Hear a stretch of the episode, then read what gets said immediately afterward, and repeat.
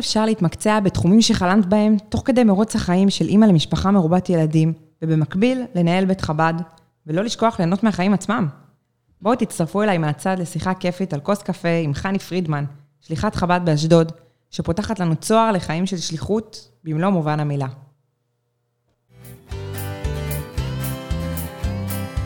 איך להפוך את החיים שלנו לחיי שליחות מלאים במשמעות. כאן חני מוסקוביץ', שליחה בעיר חרקוב, אוקראינה. בפודקאסט הזה אנחנו נפגוש נשים שונות שיביאו את השליחות שלהן במגוון של תחומים, ודרכה יעזרו לכל אחת למצוא ולדייק את השליחות שלה בעולם. כי לחיות את החיים שבשבילם נבראנו, זה הכי שיש. שליחות כדרך חיים. מתחילים עכשיו. ברוכה הבאה לחני פרידמן מאשדוד, או שכבר עשיתי את ההיכרות במקומך. יאללה, תכירי לנו את עצמך. טוב, נעים מאוד, אני חני, שליחה באשדוד. אימא, ברוך השם, למשפחה ברוכה, שמונה 14 ילדים. בלי עין. ברוך השם. אה, עושה המון המון דברים בחיי. אה, עיקר הפוקוס שלי היום הוא סביב השליחות שלי, ואני מאוד מאוד מנסה להתמקצע סביב זה, ולאסוף ולהוסיף, וגם אה, להיות שליחה לשליחות אחרות. להביא כל מיני רעיונות חדשים, לעורר דברים חדשים. יש את כינוס השלוחות העולמי, שאני זכיתי להיות מעורבת, ברוך השם, בתוכניות של העברית. ולהנגיש את זה ולגרום, ברוך השם, ברוך השם, שהרבה יותר שליחות מגיעות. לגמרי. כל שנה לכנס. כן, כשאנחנו התחלנו את זה היו 50, היום אנחנו מדברות עליהם 500 לפחות. זהו, אני מכירה את התקופות ה... זהו, זה מה שאני יודעת, כאילו. לא, אבל בהתחלה, כשאני התחלתי לנסוע לפני 16 שנים, משהו כזה, זה אולי 50 דוברות עברית היו. היום הם כמות מאוד נכבדה מהכנס. וברוך השם, זה עם הרבה עבודה, עם הרבה שותפות בדרך. ברוך השם. אז את רבת פעלים, בשתי מילים. אה? אני אומרת, לא את. תגידי, אה, בית חב"ד באשדוד, למה צריך? אנחנו יודעים שאני נוסעת לתאילנד לטייל, אין לי אוכל כשר. פתחו לי בית חב"ד, איזה כיף, יש אוכל כשר, אני יכולה לעשות שם אפילו שבת. בשביל מה צריך אותך באשדוד? כאילו, מה...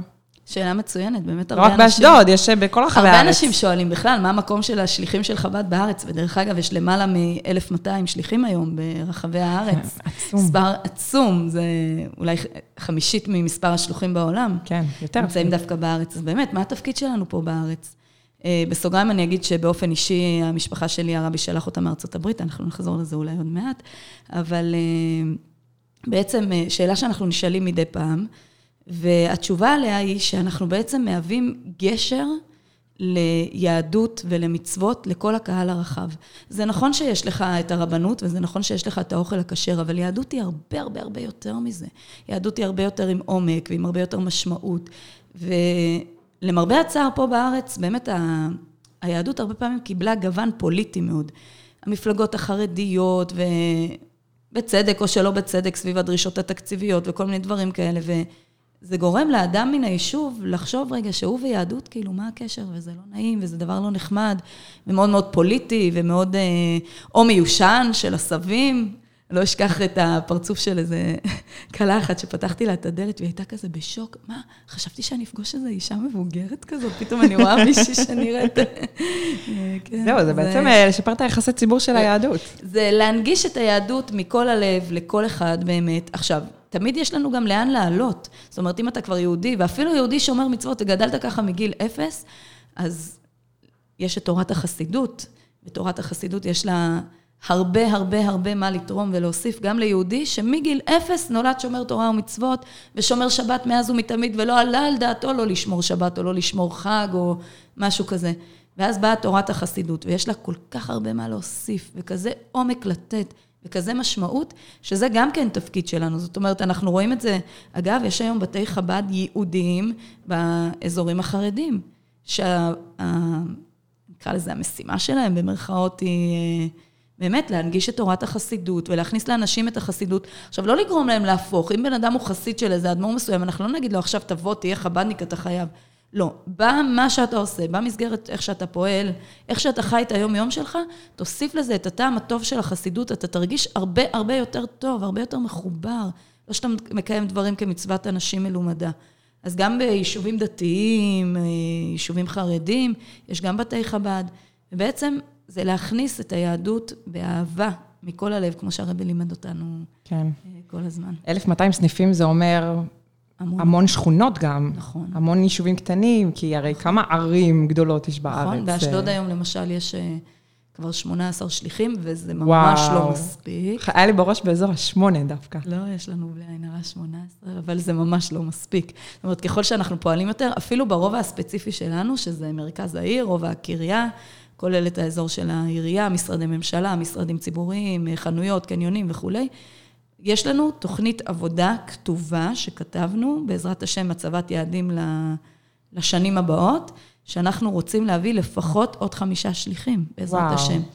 אה, עוד לדוברי צרפתית ולדוברי רוסית, ולנוער, ולמשרדים לעשות אה, שיעורי תורה ופעילויות ו- וכולי.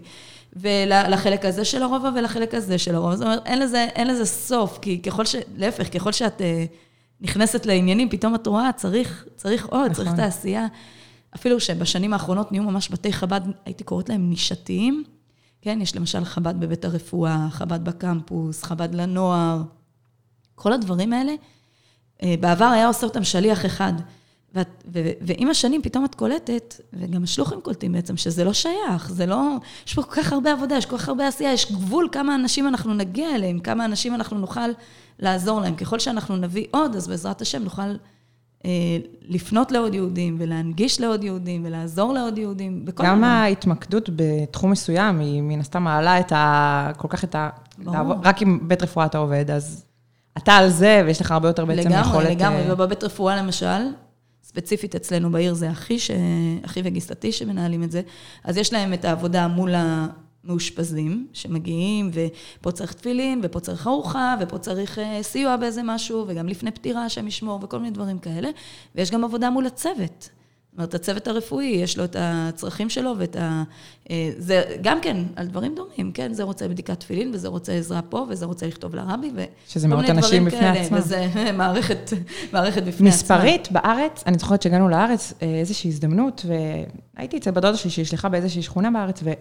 אמרתי, כאילו, בעצם פה אפשר לשים שליח על כל בניין. נכון. ברמת העיקרון, במיוחד עם הגדלים של הבניינים של היום. וואי, איזה מגדלים מאות אנשים בבניין. זה, זה, בן אדם יוצא לאוקראינה, לאיזה כפר בשביל אה, כמות של פחות מזה. אותה כמות של יהודים, כן. נכון? המתחם שלנו. רק המתחם, זאת אומרת, שורת בניינים שמקיפה חצר ענקית ענקית, יש 450 משפחות. משפחות, זה, זה אלפי איש. משפחות זה אלפי איש, זאת אומרת, כן, את עושה את החשבון, כשאני מדברת על כל הרובע. ושוב, יש את הצרכים של השפות השונות, והקהלים השונים, והגילאים השונים. יש לנו המון, המון, המון, המון, המון, המון עבודה. ככל שאנחנו עושים יותר, לא חסרה עבודה. לא חסר, לא חסר. יש גם בעצם את הדברים הציבוריים, אני חושבת שחב"ד נותנת מענה, הבתי חב"ד בארץ, שזה, לדוגמת תהלוכת ל"ג בעומר. כן, אז זה האירועים הגדולים סביב...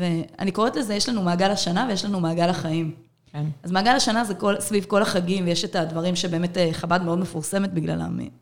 אם זה התהלוכות והדלקת החנוכיות המרכזיות כן. הענקיות, שאגב, זה ממש מדהים לראות איך זה הולך ונפוץ, לא רק בחב"ד, וזה ממש משמח. כל פעם שאני רואה... זה כבר כאילו ברור מאליו שיש כן, את זה. כן, אני רואה פתאום, אני עוברת, אני רואה ליד חנויות סטנדים של תפילין, לא של חב"ד, סתם, לפעמים זה של אנשים פרטיים, לפעמים של ארגונים אחרים, אני מסתכלת, אני אומרת, וואו, אני זוכרת, אה, אני זוכרת איך אבא שלי סיפר לי שבשנים הראשונות, ועוד יותר, שמעתי מישראלים שחיו בארץ, ועוד איך היו מסתכלים, כאילו, מה זה, מה זה הדבר הזה להניח תפילין פתאום באמצע היום? מה זה, מה זה השיגעון הזה, מאיפה זה בא? והיום זה פשוט הפך להיות ממש... ופרצת. נחלת הכלל, לחלוטין, כן. לחלוטין. זה... או נרות שבת, פתאום כל מיני אה, מחלקים, כל מיני סטנדים, נשים מכל מיני קהלים. ממש משמח, להפך, זה מגביר אור ומגביר... אה, כן. מגביר טוב, זה מדהים. זה מדהים. וואו. אז זה מעגל השנה, כן, סביב מעגל השנה, ויש לנו גם את מעגל החיים. זאת אומרת, אה, תינוק שנולד, אז יש לנו את שפרה ופועה בהרבה מאוד מקומות, שבשנים האחרונות ממש חווה פריחה עצומה בכל הארץ. זה נהיה, זה נהיה קטע כזה של ממש. אנשים פשוט אם אין לקהילה שלנו שפרה ופה, אנחנו לא בעניינים. אנחנו לא אין, כן. אה, יש אה, אחר כך במשך, במשך השנים, אז למשל, יש בר מצווה, בת מצווה, הורים רוצים להכין את הילד שלהם, או את הבת, של, את הבן או את הבת, אה, לחתונות, כלות שבאות ורוצות הדרכה ידידותית יותר, או ארוכה יותר, ברבנות הם נותנים שעה אחת במקרה הטוב. כן. וככה יש לך בחירה לאיזה רבנית לפנות, מה לעשות וזה. אז למשל סביב זה, וגם יותר מאוחר, וגם לא עלינו אחרי 120, יש אבלים, יש דברים, כן? כל מיני... אז גם מעגל החיים, גם מעגל השנה, וגם מעגל הגילאים. כי לבית חב"ד יש... אה, אה, בתי, טוב, בתי חב"ד שונים, פעילויות שונות כמובן, אבל בעצם אם אה, תעברי על זה, את תראי שיש ממש דברים ל, לכל גיל, לתינוקות, לפעוטות. התחיל במוסדות חינוך. כן, זה, זה כבר השלב המתקדם כן. יותר, אבל כן, אפילו... פעילויות כמו מועדון המעשים הטובים, אה, אה, מועדון בת מצווה, אה, שיעורים לנוער, אחר כך שיעורים למבוגרים. פרשת חלה. כן, המון, המון, המון. וואו, כאילו, וואו. זה לא נגמר. אם מפרקים את זה, זה... זה, זה המון, המון, זה כאילו נשמע, מה, מה, מה, מה יש לעשות בארץ כל פעם שאני נפגשת? גם... אגב, גם בנות חב"דיות שגרות בקהילה לא תמיד נכון, מודעות להיקף של כל הדברים האלה. אתה לא חי את זה ממש, אז... וגם לפעמים יש להם טעות כזאת, שהן סופרות כמה בעלי תשובה עשיתם, כמה סרטוקים יש לכם, זה לא מעניין אותי בכלל, זה לא, זה לא מה ש... אני לא נמצאת פה בשביל לעשות חב"דניקים, זה ממש לא העבודה שלנו. השליחות שלנו היא אה, לקרב ולאהוב כל יהודי ולתת לכל יהודי את המענה, שזה יהיה בית לכל יהודי, גם בגשמיות וגם ברוחניות. מה שהרבי ביקש. ממש אפשר לראות את זה, כאילו, לכן יש בתי חב"ד למשל שמפעילים בתי תמחוי. נכון. כן, גם לנו באשדוד יש אחד. אה, שבאמת לעזור למשפחה, או סלי מזון, או כל מיני דברים שאפשר, כמובן, כל מקום לפי עניינו, כל מקום לפי תקציבו ו- וכולי, אבל באמת לעזור ליהודי גם בגשמיות וגם ברוחניות, זה ממש uh, המשימה שלנו. בעצם הכל. כן, כן, כן, כן. תגידי, מעניין, אה, סתם תספרי קצת על אשדוד. מי שלא מכירה, אוכלוסייה, העיר. טוב. העיר החמישית בגודלה. העיר החמישית בגודלה בישראל, אני יודעת, זה נשמע כזה, זה, יחסית, כן, אנשים שומעים אשדוד, הם חושבים כזה רחוק, אז אשדוד היא נמצאת 25 דקות נסיעה מתל אביב בלי פקקים, כמובן. טוב, לא נדבר על הפקקים. כן. תראי, אני מקריית מלאכי עכשיו, אז בשבילנו אשדוד זה כמו העיר הגדולה, כן, נוסעים העירה. כן, אין, אין מצב כמעט שאני מגיעה... צריכה רופא טיפה זה, אשדוד. חנות טיפה משוכללת. לקנות משהו, זה, תמיד אני פוגשת נשים, נכון. אה, נשים שמגיעות מקריית מלאכי. זהו, אז אני מכירה יחסית. כן, אז זהו, אבל אה, גם מבחינה גיאוגרפית, נכון, בגלל הטילים, אז שוב, נורא נחמד לצייר אותה בדרום, אבל אה, אשדוד מאוד ממוקמת במרכז יחסית, היא מערבית בדיוק לירושלים. זאת אומרת, את פותחת מפה, אם את רוצה לנסוע מירושלים לאשדוד, זה פשוט בקו ישר. אנחנו אלה שמתפללים מזרח ישר לירושלים. איזה כאילו קטע. זה ה... כן, תפתחי מפה ותראי. כאילו אני מכירה את המפה, אבל אף פעם לא הבחנתי ב... תסתכלי, תסתכלי, זה ממש בקו ישר. זאת אומרת, אשדוד במערב וירושלים במזרח. ירושלים היא טבור העולם, אז אתם באמת מרכזיים. אנחנו במרכז. לא, יש גם אה, תחבורה מאוד נגישה, ורכבות, ואוטובוסים וכולי. אה, אז היא מונה בסביבות הרבע מיליון תושבים. אה, האוכלוסייה מאוד מעניינת. יש את הוותיקים, שהם אה, בדרך כלל משפחות, אה, אלה שהקימו את העיר, בוא נגיד, שהם אה, משפחות שעלו ממרוקו, מתוניס, יש גם עלייה מאוד גדולה מרומניה שהייתה בזמנו, אז הם מרכיבים את הגרעין של העיר, הגרעין הראשוני. ועם השנים אשדוד קלטה המון המון המון עלייה. הכי משמעותית זה כמובן העלייה ממדינות חבר העמים לשעבר, בשנות ה-90, שממש העיר הכפילה את עצמה. בעשור וחצי האחרונים עלייה מסיבית מצרפת, ממש כמויות, במיוחד בשכונות שסמוכות לים. אה, ויש גם אה, הרבה מדרום אמריקה. זהו, הים הוא העניין פה, אני מבינה. כן, הים הוא... תראי, אצלנו אני רואה אנשים עולים, בעבר אנשים שעלו, לאן אתם, איפה אתם הולכים לגור? לא יודע, פותחים מפה, מסתכלים איזה עיר נמצאת על הים, מי שאין לו כאילו בן דוד או איזשהו, כן. איזושהי סיבה ללכת לעיר ספציפית, הים. יש בים משהו, וואו, מרחיב נפש מאוד מאוד מאוד. זה אחד המקומות שאני הולכת אליו כשאני צריכה ככה... להירגע, וכל פעם שאני הולכת, אני אומרת לעצמי, את לא באה מספיק, יש לך כזה משאב נכון. טבעי מדהים בעיר, נמצא חמש דקות נסיעה מהבית שלך, אה, עשרים דקות הליכה. כמה זמן ברגל? עשרים דקות. וגם, יש איזה קטע שכבר את מגיעה לשם, את כבר רואה את הים, כן. כי זה בראש גבעה כזאת. לפעמים זה מה שאת צריכה, לראות את הים. כן, את יוצאת, אצלנו, את יוצאת מבית חב"ד, והולכת קצת לכיוון, אפילו לכיוון החנייה, כבר היה מול העיניים שלך, אם את יוצאת בשעת שקיעה, וואו, וואו, זה מדהים. נכון, בכל הכביש, ה... איך כן, קוראים לו? בגין. בגין. כן. רואים את השקיעה נכון. בעצם. אז מהרגע שממש, כאילו, בית חב"ד נמצא די במעלה הגבעה, אז ממש את רואה כלפי מטה את הכל, זה כל כך יפה. וכל פעם אני אומרת, אני הולכת נגיד בבוקר, מתפללת שם שחרית או משהו, אני אומרת, למה את לא באה יותר? למה את לא עושה את זה יותר? וואו. זה חייבים, אה, מרחיב את הלב ומרחיב את הנפש. וכן, זה בהחלט אה, גורם שמושך הרבה מאוד אנשים. יש גם הרבה תעשייה. יש אה, סביב הנמל אלפי משפחות, וסביב אלתא התעשייה האווירית גם כן.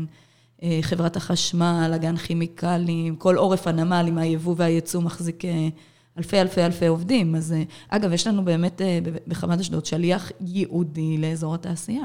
וואו. כן, זה, זה העבודה שלו. ו, וגם הוא אומר שזה לא מספיק ושצריך עוד, כי האזור ממש ממש ממש ענק. לטוב אין סוף. ממש. ו, והוא לא, הוא, הוא פשוט עובד מהבוקר עד הערב, עד שנסגרות החנויות, הוא עושה גם פעילויות בחגים, רק שבתות וחגים הוא לא, הוא לא פעיל. וואו. אבל ככה, כן, זה ממש... והנמל עצמו הוא ענק, ענק, ענק, ויש שם גם בסיס של חיל הים, שגם כן, אז הוא גם כן אחראי עליו ופועל באמת, בו. באמת, עיר, חתיכת עיר. כן, ממש. רגע, וחוץ מהעולים, יש, יש גם קהילה חרדית בעיר. ויש גם קהילה חרדית, נכון, זה יותר באזורים המזרחיים של העיר. זה משהו שתמיד היה? מאיפה זה התחיל בעצם? זה, זה די, זה נגיד ב-40 שנה, פחות או יותר, זה, זה מעניין, זה פחות או יותר במקביל לתקופה שההורים שלי הגיעו לגור בעיר. זה אגב, לא אמרנו שאני שליחה בעיר של ה... זהו. של ה... שההורים שלי הם השליחים הראשיים בה, ואנחנו, ברוך השם, חמישה אחים שעובדים תחתיהם. כל אחד... מדהים זה. כן, זה מדהים, וזה, אגב, עם חלוקת עבודה. זאת אומרת, יש, אנחנו כמה ברובעים, שיש להם את הרובע עם הגדרה. חתמנו אפילו על חוזה מול אבא שלי. חוזה שמגדיר את האזור. ממש כאילו בגיאוגרפית. גיאוגרפית, עם מפה מצולמת, עם חותמת עליה, איפה האזור שלנו. זה חייב להיות ככה. כן, כי... כדי שיהיה מסודר. לא יהיה פתח לבעיות. בדיוק, שיהיה מסודר, כל אחד יודע איפה המקום שלו. כש... בוא נגיד, כשעושים את הגבולות, אז הרבה יותר קל לכולם אה, נכון. לעבוד. יש אחד בבית רפואה, ואחד שסמנכ"ל של המוסדות, של הבית אה, ספר, גנים וכולי. ובאמת, אה, ברוך השם, זו זכות ממש גדולה, ובשבילנו זה... קשה לי אפילו להסביר איך זה, כי ההורים שלי בעצם, אולי אנחנו נחזור כן. לעניין הזה, אה, בשנת תשל"ו, 1976, הרבי החליט שהוא שולח לארץ, הודיע שהוא שולח לארץ, בהתוועדות י"ט כסלו, הוא הודיע שהוא שולח לארץ קבוצה, קבוצה לצפת וקבוצה לירושלים, והוא רוצה לשלוח אה, אחד יותר ממניין, זאת אומרת 11, וכדי שהם יהיו הנציגים שלו, הם יהיו הזרוע האריכתא שלו בארץ. עכשיו, זה יחסית היה תקופה, אפשר להגיד שבארץ, מי שחי פה בארץ, אז זה, אבל זה היה אז אה, התקופה של אה, מבצע יונתן, המון אה, בעיות... ביטחוניות. טוב, כל הזמן יש לנו בארץ בעיות ביטחוניות, אבל בוא נגיד, תקופה של איזו נפילה כזאת, זה, והרבי החליט שהוא רוצה לשלוח ולעודד, ודווקא לירושלים העתיקה ולצפת העתיקה. הוא ממש ביקש מהשלוחים ל... ל... להרים שם את המקום. עכשיו, אבא שלי מספר שאחר כך יצאו הנחיות מהרבי, מי יצא, מי יצא, מי יכול להיבחר.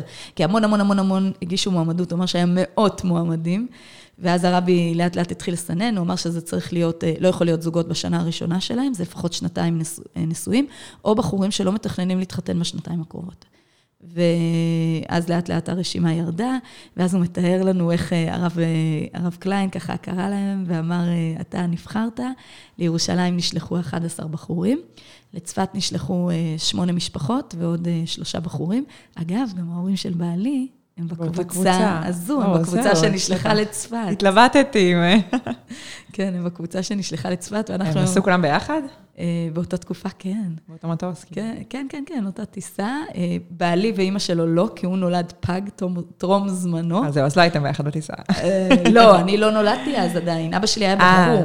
אבא שלי נשלח בתור בחור לירושלים, וההורים של בעלי בתור זוג לצפת. אה, הבנתי. כן, אוקיי. זה היה אה, ככה העניין, אבל הם היו מאוד, אה, מאוד אה, קשורים כולם. אחרי שההורים שלי התחתנו, הם עברו לצפת, הם גם היו גרים שם, אז כן, המשפחות מכירות. ואנחנו גם הזוג הראשון בתוך השלוחים. אה, בין המשפחות האלה. שהשתתפו בין המשפחות, וזה כאילו, זה קצת כמו להתחתן עם קרובי משפחה, מבחינת זה שמכירים את כל המשפחה ו... והכול. זה סתם קטע, כן, זוכרת ששאלתי את, את אימא שלי בתור בחורה יחסית צעירה, מעניין מי יהיה הזוג הראשון בתוך השלוחים שהתחתנו. אז היא אמרה לי, לא, זה לא יקרה אף פעם, אנחנו מכירים אחד את השני דודים שמתחתנים. טוב, כן, כי הם היו גרים... גם לא היה להם משפחה בארץ, זאת הייתה המשפחה שלהם, ועד היום זאת המשפחה שלהם. כאילו, אם אני פוגשת מישהי שההורים שלה מהשלוחי קוידש, כמו שזה נקרא, זה כמו אה, בדודה, כמו, כאילו מכירים, יודעים, הכל. אה. רגע, אז מתי ההורים שלך הגיעו לאשדוד? רגע, אז אבא שלי הגיע בתור בחור, אחרי שנתיים בירושלים, הם היו בבית כנסת צמח צדק, אה, הם היו, ממש חיו את המקום, הביאו איתם טנק מבצעים, מהמון אנשים שגרים, שבארץ, אני שומעת עד כמה הקבוצות האלה של השליחים, של השלוחים, הם העמיסו העצימו, סליחה. הם העצימו בקרב קהל חסידי חב"ד את החיבור לרבי, ואת הש... הם באו ככה, את יודעת, חבורה של צעירים נמרצים, הרגע נשלפו מסבן מוטענים, כן. מוטענים, מה זה, הם העיפו את המטוס באוויר כמעט מתוך, אה, מתוך הלהט שהם הגיעו, והם התפזרו בכל מקום, ואז בערך אחרי שנתיים, אגב, בשנתיים הראשונות היה אסור להם לצאת מהארץ. וואו, זה היה תנאי. זה היה כן. תנאי, היה ממש איזה מקרה חריג של דרכון שהיה בעייתי. שהיה בעייתי, אז, אה, אז אה, באמת הם קיבלו רשות מיוחדת מהארץ, אה, מהרבי לצאת מהארץ.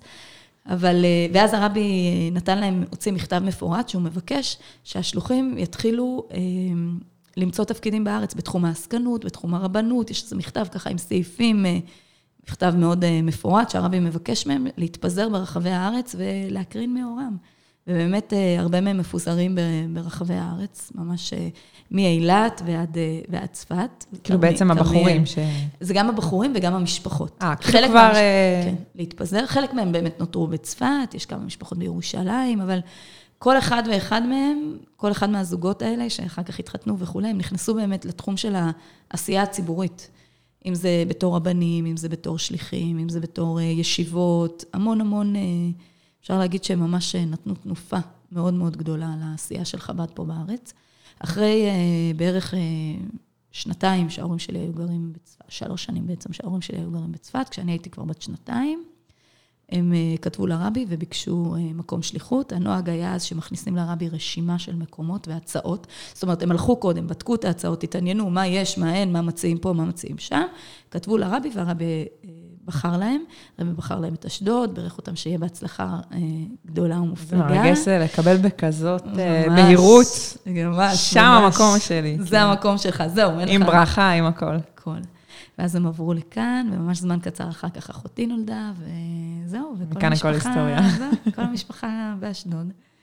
וואו. כן, אנחנו ו... גם חמישה מתוך תשעה בתוך העיר, זה ברוך השם ממש... אה, אז זה מה שהתחלתי להגיד קודם, שבשבילי, שיש לילדים שלי בני דודים באותה עיר, זה דבר עצום, כי אנחנו גדלנו בלי משפחה בכלל.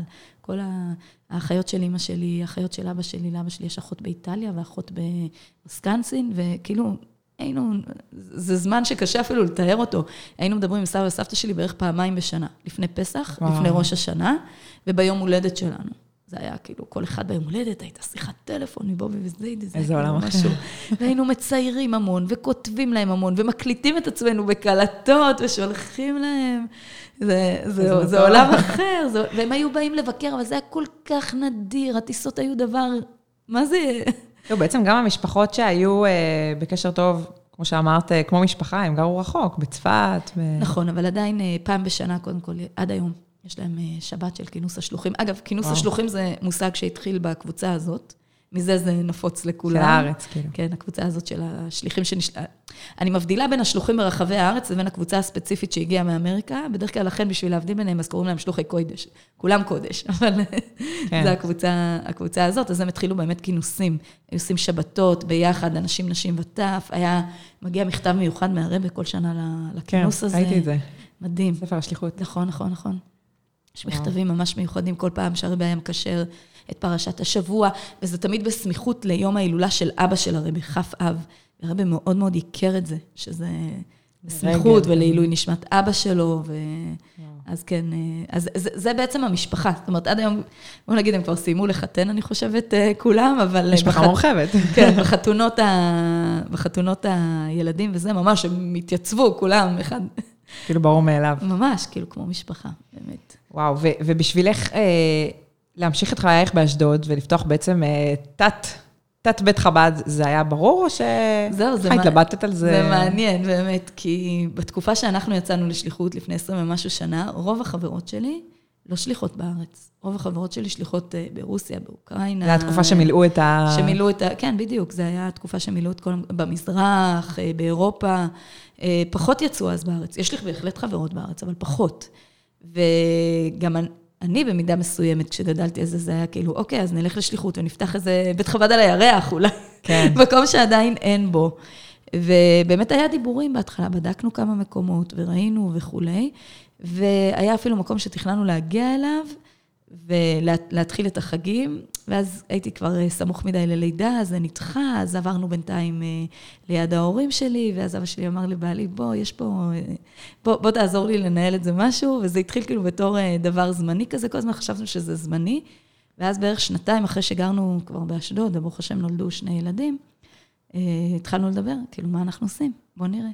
אז אמרנו שאנחנו צריכים איזשהו סימן איפה, איפה להיות. אותו חנוכה נסענו לרבי, בעלי, אני ושני ילדים, וכתבנו לרבי שאנחנו מבקשים ברכה לשליחות וכולי, וכשחזרנו, אבא שלי אמר, יש פה הצעה של איזה בית כנסת שקם על ידי כמה יהודים שהגיעו ממוסקבה, שיש להם בניין משרדים ששייך לבעלותם, הם לקחו כמה משרדים, איחדו אותם ביחד והתחילו שם בית כנסת, והם מאוד מחפשים רב חבדי. אולי אתם רוצים את זה? אמרנו, טוב, הנה, זאת... אין לברוח. זאת התשובה שלנו. לא, זאת התשובה שלנו. כי כן. גם כשהתחלנו לחשוב בתוך אשדוד, אז התלבטנו, כי אשדוד אז מאוד מאוד נבנתה. אה, אה, נבנו אז רובעים חדשים, י"ב, ט"ו, ט"ז, י"ז, ו... לא, י"ז עוד לא נבנה. ט"ז היה ככה זה, ט"ו מאוד הועצם, י"ב מאוד הועצם. באשדוד העיר מחולקת לא לשכונות, אלא כן. כל שכונה היא לפי אה, אותיות א', ב'. שמא' עד י"ז. זה רק באשדוד ככה, אני חושבת. נראה לי גם בבאר שבע, את יודעת? כן? זוכרת שנתקלתי כמו פריז. כן, שכונה ג', שכונה ט', אה, משהו כזה. לא, אבל באשדוד זה ממש מוצר, ואגב, גם את יכולה לדעת לפי שם הרחוב ואיזה שכונה זה, כי זה הולך לפי נושאים. אה. כן. אה, למשל, רובע י"ב זה רחובות של שבטים וחודשים. איזה קטע. כן, ודווקא עם י"ב, כן. כל אשדודי עובר מבחן כזה, לדעת... אה, אה, לא, אבל פשוט אומרים לך... בין שם הרחוב ל... אומרים לך את השם, אומרים לך, אני יודעת מה, אני כן, צריכה כן. הרחוב הצבעוני. הצבעוני זה שם של פרח, פרח זה ברוב החטא. יש איזשהו אזור עם אה, כנרת. אז נחלים ו... י', י"א אולי. זה י"א, י"א, אז יש להם, הרחוב הראשי הוא כנרת. טוב, נתחיל לשים לב, זה מעניין. כן, ובדרך כלל כשאומרים לי, אני ישר יודעת, כאילו, לא צריכה לפתוח מפה. ויש רבנים בצפון, איפשהו ליד הים. נכון, נכון, זה האזורים הישנים יותר של העיר, הוותיקים יותר, אז יש כל מיני אה, אישי ציבור בתולדות עם ישראל, כן. אז מצאת עצמך? אז התלבטנו, התלבטנו בתוך אשדוד עצמה, ו, וזאת הייתה הצעה, בעצם כשזה הגיע, הבנו שזה היה, בעצם זאת התשובה של הרבי. הצעה קונקרטית ממש. ממש, מעשית, ספציפית, הנה בוא, והיה אפילו איזה סכום קטנצ'יק בהתחלה לעזור לנו להתניע. אה, אז זהו, אז עברנו לשכונה הזאת. מתי זה היה? זה היה בדיוק 20 שנה, תשס"ג. וואו. בקיץ. אז זה יהיה 20 שנה. בקיץ, כן. אבל התחלנו קצת, לפ... התחלנו לפעול קצת לפני שעברנו לשכונה עצמה, התחלנו סביבות, אה, באמת, אחרי חנוכה. מה זה, שחזרנו. כאילו, מה המרחק, נגיד, מההורים שלך, אה, לאיפה שאתם נמצאים? אמ, ברכב זה נגיד 8-10 אה, דקות. אה, אז כן, כן, גרתם בסמיכות. תראי, בשביל הארץ זה לא כזה סמיכות. זהו, אבל יחסית ל... זה נגיד 45 דקות הליכה. כשהולכים... אה, נכון, אז נגיד שבתות זה מרחק. כן, אנחנו עושים את זה מדי פעם. מדי פעם יש לנו, נגיד, בראש השנה ארוחה אחת שאנחנו הולכים ואוכלים איתם. פה ושם, כשיש שבת מיוחדת, יום נישואין, יום הולדת, אז לפעמים... זה אפשרי, כאילו. זה, זה שייך, וגם הילדים יכולים, אבל אה, לא הרבה, לא, כי... תלוי במזג אוויר. גם זה, וגם ברוך השם, הם עמוסים עם הבית חב"ד שלהם, ואנחנו עמוסים עם הבית חב"ד שלנו, אז אה, כן, צריך לכוונן את זה. יצא לכם להיפגש באמת, חוץ מנגיד כאלה... תראי, הם אה, מנהלים את המוסדות, אז אנחנו רואים כל הזמן. בהקשר ל... כן, אבל אני, אני חייבת להכניס פה איזה משהו קטן, שאני תפסתי עם השנים, שבעצם כל הזמן שאנחנו נפגשים זה סביב המוסדות, סביב הפעילות, אנחנו עושים אירוע, הם מגיעים, הם עושים אירוע, אנחנו מגיעים, אה, אני פוגשת את אימא שלי בבוקר, היא מנהלת את הגנים. זה מאוד מזכיר לי, כן, את, כן, את עצמנו גם. זהו, אז אנחנו כל הזמן נפגשים וכל הזמן זה, ופתאום קראתי בעצם ש, שזה לא בסדר. איך אומרים, אף אחד מאיתנו לא נהיה צעיר, ו... ומה עם מצוות כיבוד הורים? מה עם uh, לראות את ההורים שלי, חוץ מהביזנס, במרכאות? בלי לדבר על ה... ואז uh, ממש uh, עשיתי איזושהי החלטה, שברוך השם, אני יכולה להגיד שאני כבר כמה שנים טובות מצליחה לעמוד בה, וזה באמת לא מובן לי מאליו, פשוט להכניס ללו"ז שלי באופן מסודר, פעם בשבוע שאני הולכת להורים שלי. בדרך כלל בימי ראשון, בשעות הערב, סביבות תשע. לבד? בדרך כלל אני באה לבד, לפעמים אני לוקחת את אחד הילדים איתי, או שניים. אה, ממש זמן איכות כזה. זמן, אבל, ויש לנו תנאי. לא מדברים על המוסדות ועל הפעילות. זה, זה המלצה רווחת לזוגות בעצם, כן. אה, שמדברים כל הזמן על הילדים, על הבית, על הזה, על כל הבעיות. זה גם יש קטע ש... אסור לדבר. ביציאה זוגית. כן, כן, ש... בדיוק. ש... שאנחנו לא מדברים עכשיו לא על הבית חב"ד ולא על הזה, אלא באמת על מה שחשוב לנו וקשור אלינו ועל הזוגיות שלנו, גם, גם כן. עם ההורים. אז אה, באמת, ממש, כמו שאני משתדלת אם בא לי לעשות דבר כזה, אה, צריכה להחזיר את זה קצת חזרה, אחרי החגים היה איזה נפילה כזאת, אבל אה, כן. ככה אה, יהיה. אחרי החגים זה תמיד ככה. אז גם- אבל את גם אחרי לידה, בואו נציין, אה, חני פה מנדנדת תוך כדי את העגלה. ברוך. השם, כן. כן, יהושע קטן, בן שלושה חודשים, ברוך השם. אה, כן, אז פעם בשבוע, בימי ראשון, אני הולכת לבקר אותם, ואז אנחנו מדברים על הכל, על דה ועל ה, על פוליטיקה, על משפחה, סיפורים של הילדים, כל אז מיני... זה כיף, את בעצם אה, הרחבת לעצמך את האפשרות ליהנות, אה, הנה, יש לי משפחה פה קרובה. אני לא כ- נכון. אני לא צריכה להיות במסירות נפש של, אוי, אין לי משפחה, הנה, יש לי ונהנה מזה, כאילו. נכון, אני, אני חייבת לציין בסוגריים שיש לזה את האתגרים שלו, אוקיי? כי כשהשליח הראשי שלך, כן. אה, חני, את בטח מבינה את זה מ- זהו, אנחנו. באותו קונספט. כשהשליח הראשי שלך הוא האבא שלך או השוור שלך, אז צריך מח- לפעול מאוד בחוכמה משני הצדדים. לא, אבל כולם, אני, אומרת כל הזמן, זה לא משנה כמה חוזים יהיו, אם אין את הרצון הטוב, ואת הנכונות, ואת, הפרגון והרגישות, לשים לב לדברים וזה, וגם מצד שני את הקבלת עול, שהרי הקונספט בנוי, כן, השליח הראשי הוא מעלינו, בלי קשר עכשיו לזה שזה אבא שלי. השליח הראשי הוא מעלינו, ויש לו סייעתא דשמיא פשוט מדהימה. כשאנחנו עומדים בפני קונפליקטים ודברים, ואנחנו שואלים אותו מה לעשות, מה כדאי, והוא נותן לנו את העצות. וואו, אני, אני, אני לא יכולה אפילו להסביר איך, איך רואים את יד השם ואיך הרבה שולח דרכו תשובות. זה פשוט מדהים. אבל כן, כשגרים כל המשפחה ככה, זה, זה המון המון המון כיף, וצריך לשים לב, צריך לשים לב. ואחד הדברים שצריך לשים לב אליהם זה באמת הגבולות, לשמור את הגבולות, לשמור את הכבוד. אנחנו ממש, אה, אה, אנשים לפעמים אומרים לי, אה, אז ההורים שלך בטח אמרו לך שככה. לא, ההורים שלי לא אומרים לי דברים, לא אומרים לי דברים מהגן, הם לא אומרים לי דברים מהבית ספר. רק אם יש איזה, נגיד, מקרה, ממש, את יודעת, איזו משפחה שזקוקה לעזרה וגרה אצלי בשכונה, ו- והם חושבים שאולי אני לא יודעת על זה, אז הם יגידו לי. אבל ככה ממש לא מוליכים דברים, אני לא יודעת מי נגד מה ומה נגד מי, ואם היה איזה סיפור עם גננת, או... רק מה ש... באמת, זה ממש... לשמור על... אה, גבולות וכבוד, וגם גם שאנשים שאנחנו עובדים איתם בקהילות, אה, חברי בית חב"ד ו- וזה, שהם לא ירגישו שיש פה איזה... אה, כן, חבריה כזאת שמנהלת שיושבים וטוחנים. אותם ו- ומרכלים עליהם, ממש לא, ממש, ממש, נכון, ממש לא. בטח זה משודר עליהם איכשהו, הם מרגישים את זה. לא, כי כאילו. לפעמים אנשים, מה, אמא שלך לא אמרה לך? לא, היא לא אמרה לי, היא גם לא תגיד לי. היא גם לא תגיד לי. זה, אנחנו רואים את זה גם ממש אצל, למשל, אח שלי בבית רפואה. בחיים, בחיים, הוא לא יגיד את מי הוא ראה או מה הוא ראה. אלא אם כן, יש איזו דרישה מהעובדת הסוציאלית שהמשפחה הזאת צריכה עזרה או משהו כזה. והרבה פעמים אני באה ואומרת לו, אתה יודע, אלה ואלה, כן, בטח ראיתי אותם, פגשתי אותם, דיברתי איתם וכולי וכולי. זה- אבל- יש צורך מתואם. ו- כן, אבל, אבל מאוד מאוד בסודיות כזאת, בפרטיות, לשמור על פרטיות של אנשים, מאוד מאוד, מכל אתיקה הכיוונים. מקצועית. ממש, אבל ממש. ממש. וואו. חני, ספרי לנו איך נראה יום בחייך. זה... זה וכל יום, כל יום לא נראה כמו יום אחר, אבל באופן טוב, זה- כללי. זה באמת הולך לפי תקופות, כי למשל עכשיו אני בתקופה של אחרי לידה, שהיא תקופה שאני... אה, את הרבה פעמים אחרי לידה, חני. נכון, ברוך השם, ברוך כן. השם, ברכה עצומה ש... אז את יש לך את אני, ה... אני לא לוקחת אותה כמובנת מאליה בכלל, בכלל. כל ילד הוא ברכה והוא נס והוא דבר גדול ממש ממש. אז יש לך כבר בראש את ה... כאילו סדר יום שלך של התקופות אחרי לידה בעצם. אה, כן, וזה גם, אבל זה גם משתנה, כי זה פשוט תלוי גם בגילאים של הילדים האחרים בבית, תלוי באיזה עונה, למשל לידה, כמו עכשיו שהיא באזור החגים, זה משהו אחר, זה להפך, בגלל שבחגים אני עדיין כן קצת מגויסת, כי אי אפשר להגיד, זהו, אין ביי, אה, זה, כן. עזבי, רק לבשל הבית, ל- לאינטנסיביות שהייתה השנה ככה, חג שבת, חג שבת. השנה אני יודעת מה זה ללדת בחגים. זהו, אז את מבינה מה אני... עדיין, עם כל העזרה מסביב, עדיין יש דברים שאת חייבת לעשות לבד. החגים קורים, כאילו... כן, בדיוק, וצריך להיות בישול. אפשר לשים אותם בצד. צריך להיות אה, הכנות וקניות ו- ודברים, את לא יכולה כן. להגיד אה, זה יחכה והכול. אבל אה, לפני כן, באופן כללי, אני רוצה להגיד איזה משפט שאימא שלי תמיד הייתה אומרת לי, עדיין אומרת לי, שתהיה בריאה, ומכרתי אותו, מה שנקרא, הלאה, ונשים ממש אה, התחברו לזה ולקחו את זה.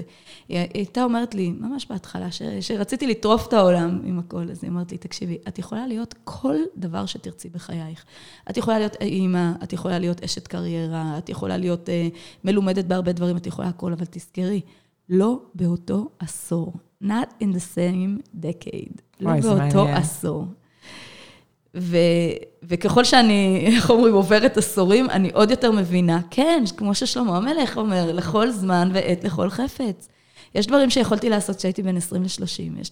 בוא נגיד, ההורות, הרי הטבע הביולוגי שלנו, הקדוש ברוך הוא ברא אותנו, שהשנים הטובות שלנו הן, בוא נגיד, בין 20 ל-30, 35, 40, כן? בוא נגיד, הטווח 20 שנה האלה. מה זה הטובות? את מתכוונת מבחינת... גם מבחינת פוריות, גם מבחינת כוחות.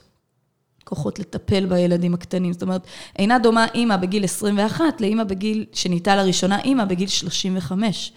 גם מבחינת הכוח הגופני, פשוט. כן. נכון שיש לה אולי בגיל 35 תובנות יותר, אה, כן, יותר כל תקופה בוגרות, באמת. וה... אבל, אה, אבל יש משהו עם, ה, עם הכוח שיש כשאת צעירה יותר, זאת אומרת, אני מסתכלת לפעמים אחורה, אני אומרת, וואו, אימא'לה, הגדולים שלי ממש שנה אחרי שנה. איך עשיתי את זה? איך עשיתי את זה? היה לי ככה ארבעה צפופים, הגדול היה בן ארבע וחצי, כשכבר היה לי, ברוך השם, ארבעה, חמש וחצי כבר היה לי חמישה, כאילו, מה, איך, איך זה נעשה? קודם כל, הקדוש ברוך הוא באמת נותן כוח.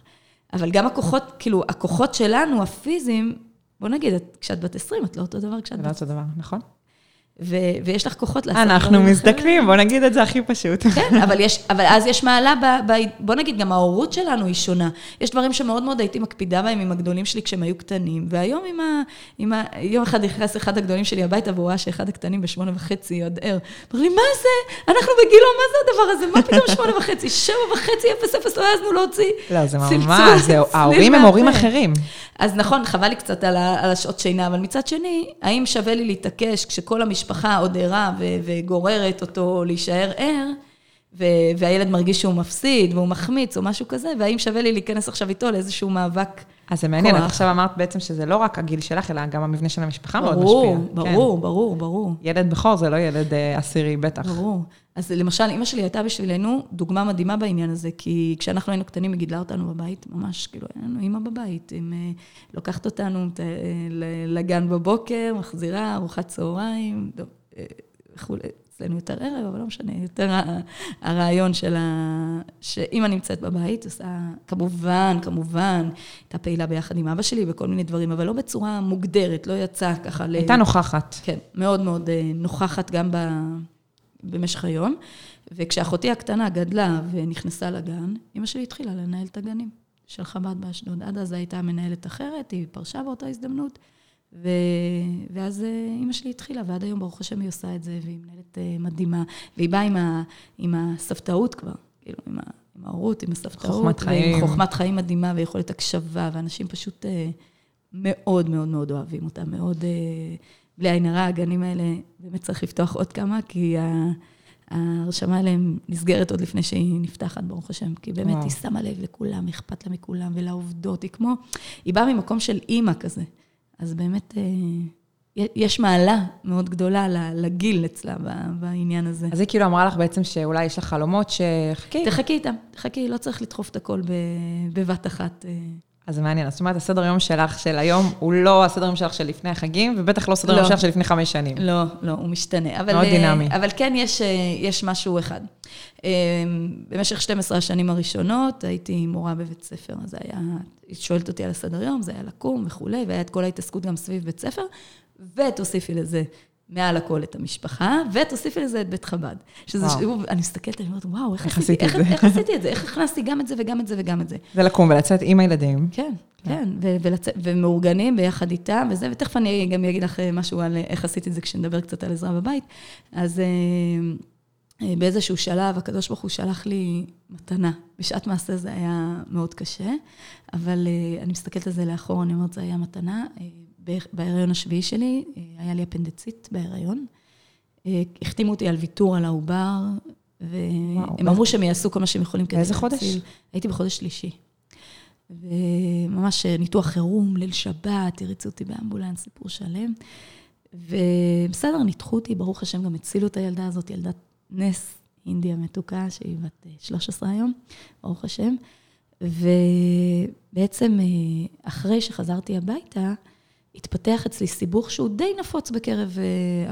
אה, מנותחי אה, אפנדצית, זה אבצס באזור, מוגלה באזור. רק מה, הטיפול בדרך כלל שמתבצע הוא תחת שיקוף, מכניסים איזה נקז, מוציאים את זה, אני יודעת מה, אבל אני הייתי בהיריון, וברוך השם הצליחו לשמור על ההיריון. אז אי אפשר לטפל בזה בדרך הרגילה. קיצור, התחיל סיפור שלם, אושפזתי, ותקופת החגים, זה, לא יכולה לתאר לעצמך מה זה היה בבית חב"ד. כשהשליחה מאושפזת, ועוד בתל אביב, באיכילוב, והשליח רץ הלוך ושוב.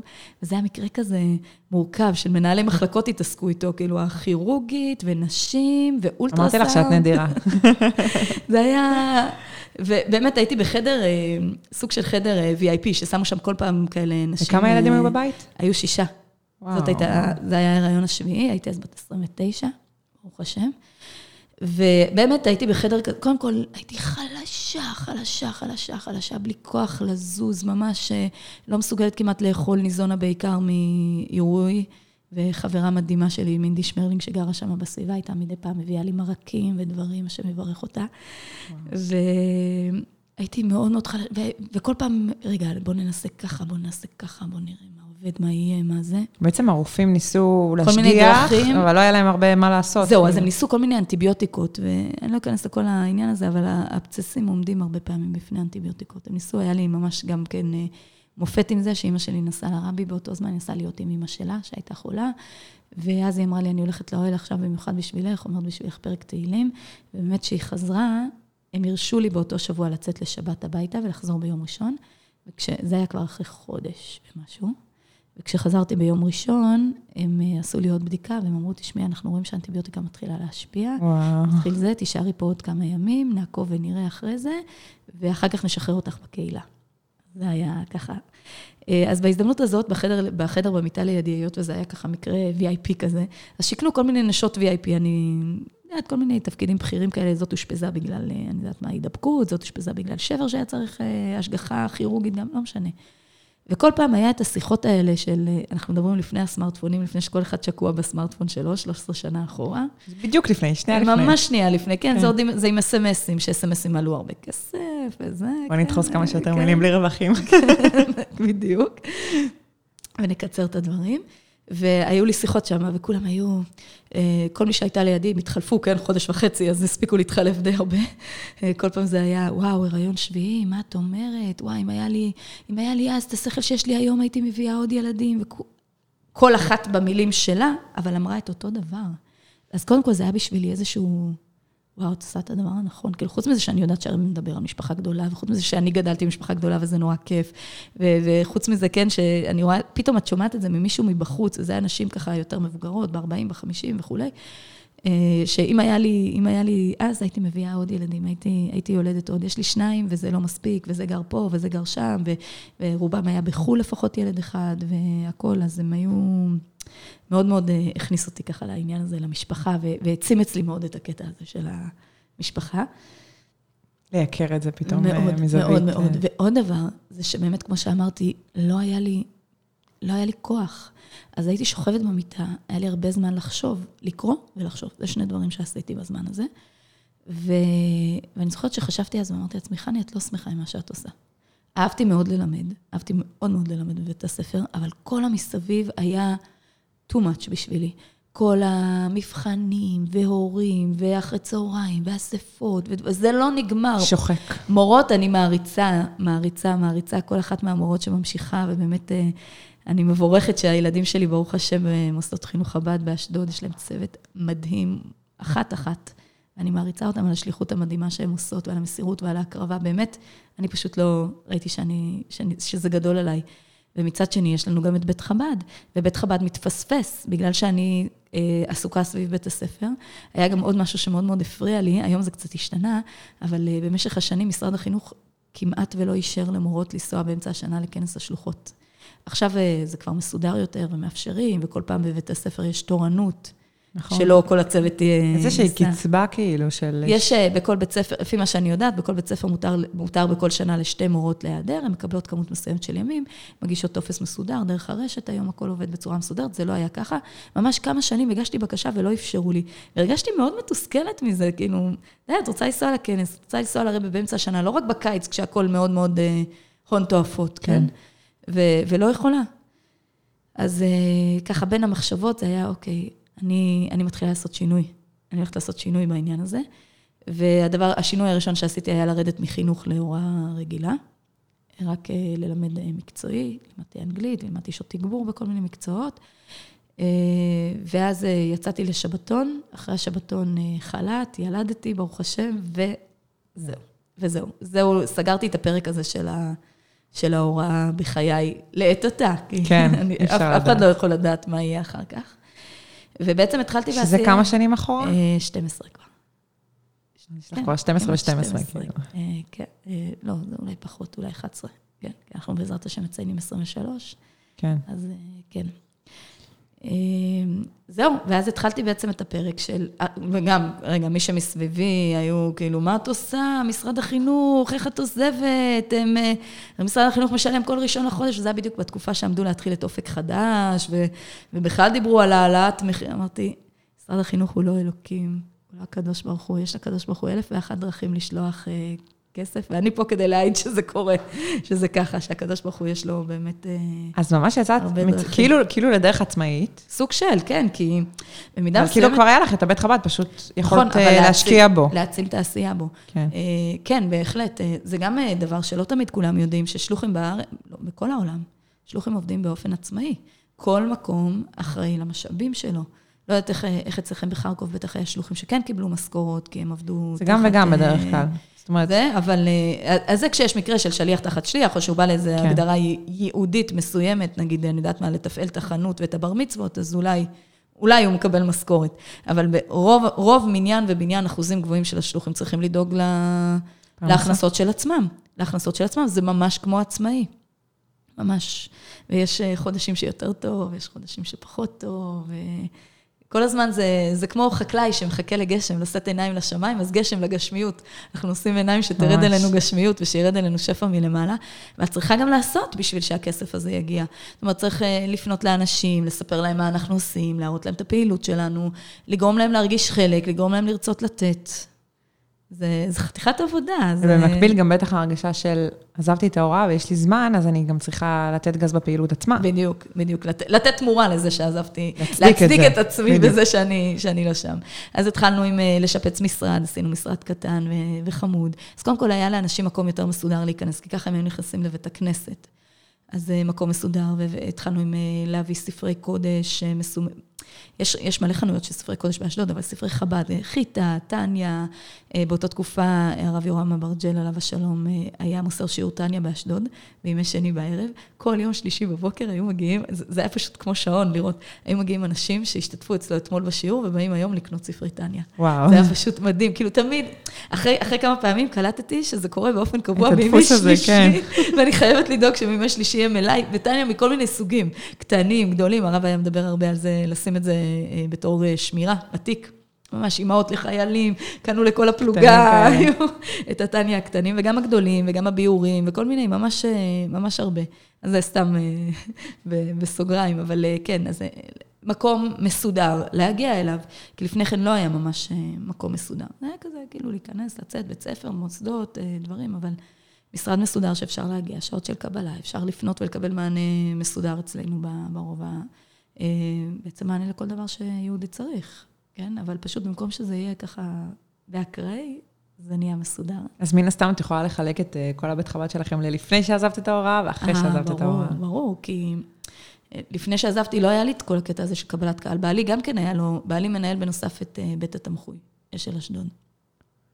אז היה לו זמנים שהוא כן היה, והיה זמנים שהוא לא. הוא בעיקר התמקד סביב זמני התפילות והשיעורים, ובמשך היום, אם הוא היה יכול, הוא היה מגיע, אם לא, יש לו מחויבות במקום השני, אז היו זמנים שאנשים היו מגיעים ולא היה דווקא מענה.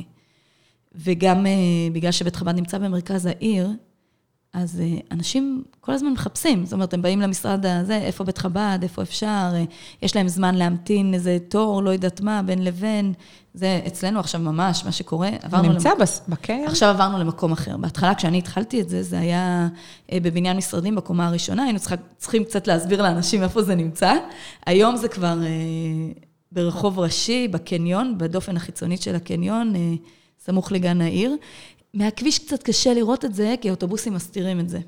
זה, זה בעצם יש שם את הכניסה הזאת של רציף ההורדה. של האוטובוסים, זה מ- צמוד לבנק, מיקום מרכזי שאני לא יכולה אפילו להסביר עד כמה, ועד כמה זה הקפיץ את כמות האנשים שנכנסת לבית חב"ד, לסתם. אנשים, אה, רגע, יש פה בית חב"ד, אה, רציתי ככה, רוצה לבקש ברכה, רוצה לקנות מזוזה, רוצה לבדוק מזוזה, אה, רוצה אפילו להתפלל, אה, כן, משהו ככה אה, המיקום, אה, יש גם הרבה נהגים של אה, אוטובוסים, ש...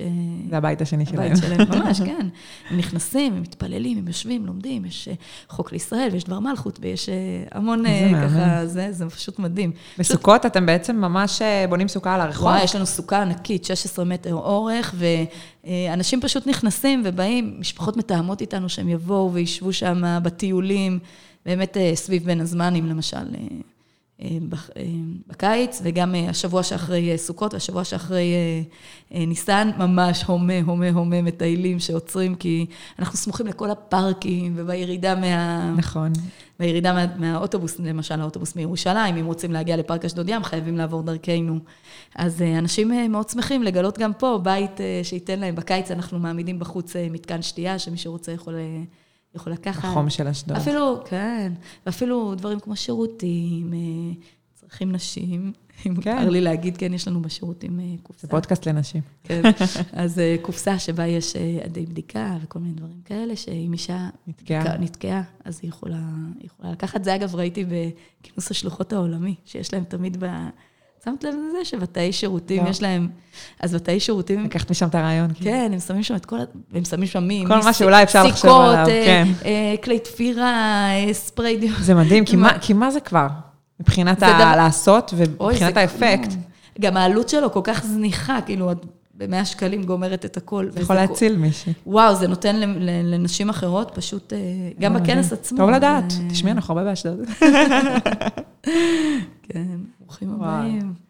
רגע, אז... אה, אז אז איך אז- נראה יום אז- בחייך עכשיו אוקיי. בעצם? אז אה, ככה, קודם כל, אני, אני בן אדם שמאוד מאוד אוהב לקום מוקדם בבוקר. מאוד מאוד אוהבת. מה זה אז, מוקדם? אה, מוקדם זה חמש. וואו, אה, אם- מאירה את השמש. אם אני מצליחה, אה, בוא נגיד, עוד לא ממש, ממש חזרתי לזה מסודר, אבל יש לי חברה שאנחנו ממש עושות או הליכה, ואפילו התחלנו ריצה. אה, וואי. בבוקר, פעמיים בשבוע. על הים. אה, לפעמים על הים, לפעמים אה, יש את הילד דווקא במזרח העיר, יותר צמוד לבית. יש יש שם המון רחובות אה, רחבים מאוד, כאלה, מאוד. כן, אני בנויה לספורט. ופארקים, זה מדהים. בנויה וואו. לספורט. וואי, אני מחפשת עדיין איפה. שמתקני כושר מפוזרים בהרבה מקומות. נכון. אה, כן, ממש בנויה לזה. עיר- עיר שמזמינה כזה, רוכבי אופניים. כן, עושה חשק. כן, מאוד מאוד מאוד מזמין. ולמשל, מזג אוויר כמו עכשיו, וואו, זה מושלם. וואו. לא חם מדי, כן. לא קר מדי, כל כך כיף. רוח נעימה ו... ממש, כן. אז אה, לאט לאט אני מתחילה לחזור לזה עכשיו. רגע, אם את. קמה בחמש, אז כמה שעות את ישנה? זה מעניין אותי. אמ, אני מאוד מנסה ב-11 עד 12 אה. לישון. טוב, כולל על לקום לתינוק, זה אה, מתקזז כן, אבל בואי קצת. אני אגיד לך משהו, סוד, אני ישנה שנץ. לא יודעת אם מותר לי אה, להגיד אוקיי. את זה. לא, מותר, את- תראי, אני הרבה פעמים רוצה לישון, אני לא נרדמת בצהריים. אני מכריחה את... אני, אני מרגישה שאני חייבת, כאילו לפעמים הגוף ממש דורש את זה, ויש לי, הילדים יודעים שאני נכנסת לחדר לחצי שעה, ואם הם דופקים לי בדלת, אבל אני את מתחילה... נרדמת לחצי שעה? אני יכולה לישון לחצי שעה, במיוחד אם יש מישהו מהגדולים יותר בבית, שנגיד משגיח על, על הקטן. אה, אני יכולה, אני יכולה, אני שמה שעון עם טיימר, וכאילו משהו משחרר לי בראש. כשלא אני צריכה להתעורר לבד, אלא הטיימר יעיר אותי, אז כן, אז יש בזה משהו מרפה. כאילו, כן, שמרפה יותר. ואת יודעת מה, גם אם אני לא מצליחה ממש להירדם, עצם המעבר למצב אה, מאונח, מה שנקרא, אני קראתי את ושמעתי על זה המון, שזה אפילו 20 דקות בצהריים, זה נותן בוסט כזה. של אה, עצימ, ממש עצימת עיניים, אה, קצת שקט, כמובן לא טלפון, לא זה, ופשוט מצב מאונח, מה שנקרא. כן, מאוזן. סליחה, מאוזן, כן, את כל היום במצב כן. מאונח ולעבור למצב מאוזן, ואת פשוט אה, אה, מקבלת כוח. פשוט אני, אני קמה אחר כך, קראתי אחר כך איזה ספר אה, עסקי, ש, שעוסק כולו בנושא של טיימינג, והם בדקו כל מיני, אה, מתי אה, חתמו על הסכמים, האם חתמו עליהם לפני צהריים, אחרי צהריים, איך זה משפיע, כל מיני, ממש ממש ממש מרתק היה, מעניין. היה לקרוא, הם הראו כל מיני דברים שנכשלו, כי הם נעשו בשעות אחר הצהריים, בשעה שלוש, ארבע, אחרי שעות של, כאילו, יש להם ממש... אה, כן, כמו שאומרים, אם את רוצה לדבר, לעשות פגישה עם מישהו ואת צריכה ממנו משהו, תעשי את זה כשהוא שבע. שהוא למשל. שבע, אבל, אבל לא אחרי ארוחת צהריים. כי ארוחת צהריים, שהיא בדרך כלל ארוחה כבדה, שאוכלים, היא מכבידה והיא גורמת לנמנום. למשל, אם את עושה כנס מקצועי גדול, ואת רוצה, כן, לעשות הרצאות, אחרי ארוחת צהריים את לא יכולה לעשות הרצאה, את חייבת לעשות איזו תוכנית קלילה יותר, מעניין. ורק אחר כך את יכולה לחזור להרצאות. כי הארוחה כאילו מכבידה, היא גורמת לאנשים לנמנום, את חייבת להוציא אותם מה... כן. מה... ממש קראתי ספר שלם, כאילו זה היה מעניין, כן, זה משהו באינטואיציה, ההרגשה הזאת שאני חייבת, אני לא מתפקדת בלי, ה... בלי המנוחה הזאת. ו... אז ואחר כך לראות את זה, רגע, ריצה. ואחר כך לראות את זה בספר, זה היה... גושפנקה כזאת כן. של... זהו, ואז אני חוזרת הביתה אה, בערך אה, שעה ומשהו עד שמוציאה את כל הילדים, מלבישים ביחד, מארגנים אותם. אה, היום, היום זה כבר הרבה יותר קל, כשהם היו קטנים זה היה ממש, את יודעת, הייתי מכינה את ערימות הבגדים ומלבישים אותם כמו סרט נע טק, כזה. טק, טק, גרביים. כן. לא, הנה, זה לבוש מכף רגל עד ראש, זה, זה, זה, זה כבר יכול לנעול את הנעליים לבד, זה כמו ככה, צ'קליסט. כן, כן, כן, כן, כן. ממש. במידה מסוימת זה מוכר. גם עכשיו, כן, אני צריכה... זהו, יש לך קטנים, אבל יש לך גם גדולים. נכון, וזה מעניין. את מצמידה? אה, חונך וחניך, כאילו. לא, אני משתדלת דווקא לא לעשות את זה, אני לא אוהבת ש... אחריות. אני אוהבת מאוד לתת אחריות, אני לא אוהבת שהם לוקחים את ה... כאילו, שזה הופך להיות שלהם. זאת אומרת, כשאומרים לי, הגדולים מגדלים לך את הקטנים, אז לא, לא, לא, ממש לא. לא מוכנה שזה יהיה. לא מוכנה לזה, ואני גם אומרת את זה לילדים מפורש, הם באים ואומרים לי, "אה, זה עשה ככה וככה וזה. אדוני, אתה לא אחראי עליו, אתה לא אימא שלו, אתה לא אבא שלו, כן. וגם אם קורה משהו, זה לא... כן, אם אתה רואה שהוא עושה משהו מסוכן וזה, בטח אה, מיד מיד אה, לא להגיד, אני לא אחראי עליו. כן. כן, לא לקחת ש- את ה... אבל אתה לא אבא שלו, זה, השיעורי בית שלו זה לא העול שלך. כן. אתה יכול לעזור, נגיד למשל, הרבה פעמים כשיש בכיתה א', את יודעת שצריכים לגזור אה, ציורים לפי האות, אין בעיה, תעזרי לה, בכיף, בואי תעזרי לה לעשות, אבל זה לא האחריות שלך, שלה תהיה מחברת מלאה, זה האחריות שלי. כן. זה נשאר לי, או זה נשאר לאבא, כן? זה לא, זה לא הדברים שלך, או שלך.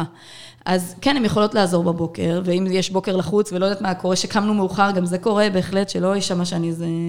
כן. הלוואי, הלוואי ואני אגיע למקום הזה באמת של כל בוקר להתייצב בחמש, בינתיים אני עובדת סביב פעמיים בשבוע. אה, אחרת זה שש וחצי, רבע לשבע. אה, אז באמת, אה, אם צריך, אז אני קוראת לעזרתם, בואו תעזרו וזה, אבל אני משתדלת ש, שלא. וגם מה שקורה זה כשיש אחים גדולים, אז הקטנים רוצים יותר מהר לחקות אותם.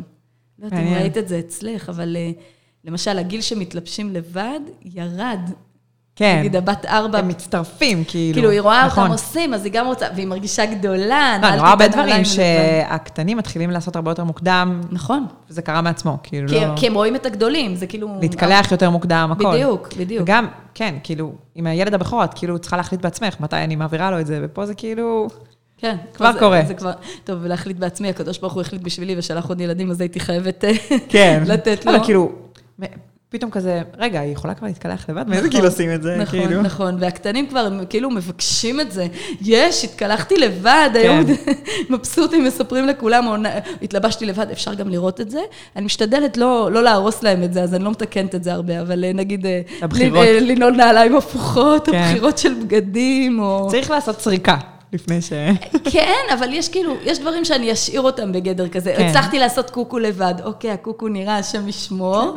אפשר אבל- לבלוע. אבל יש לה את ההרגשה הזאת שהיא עשתה את זה, כן. זה, ואני חושבת שהגננות מספיק מכירות שאני לא אימא מזניחה ובגלל זה שלחתי אותה ככה, אלא יותר מהמקום של אה, לתת לילדה את ההרגשה שהיא עשתה, הצליחה לבד לעשות, אה, לעשות משהו.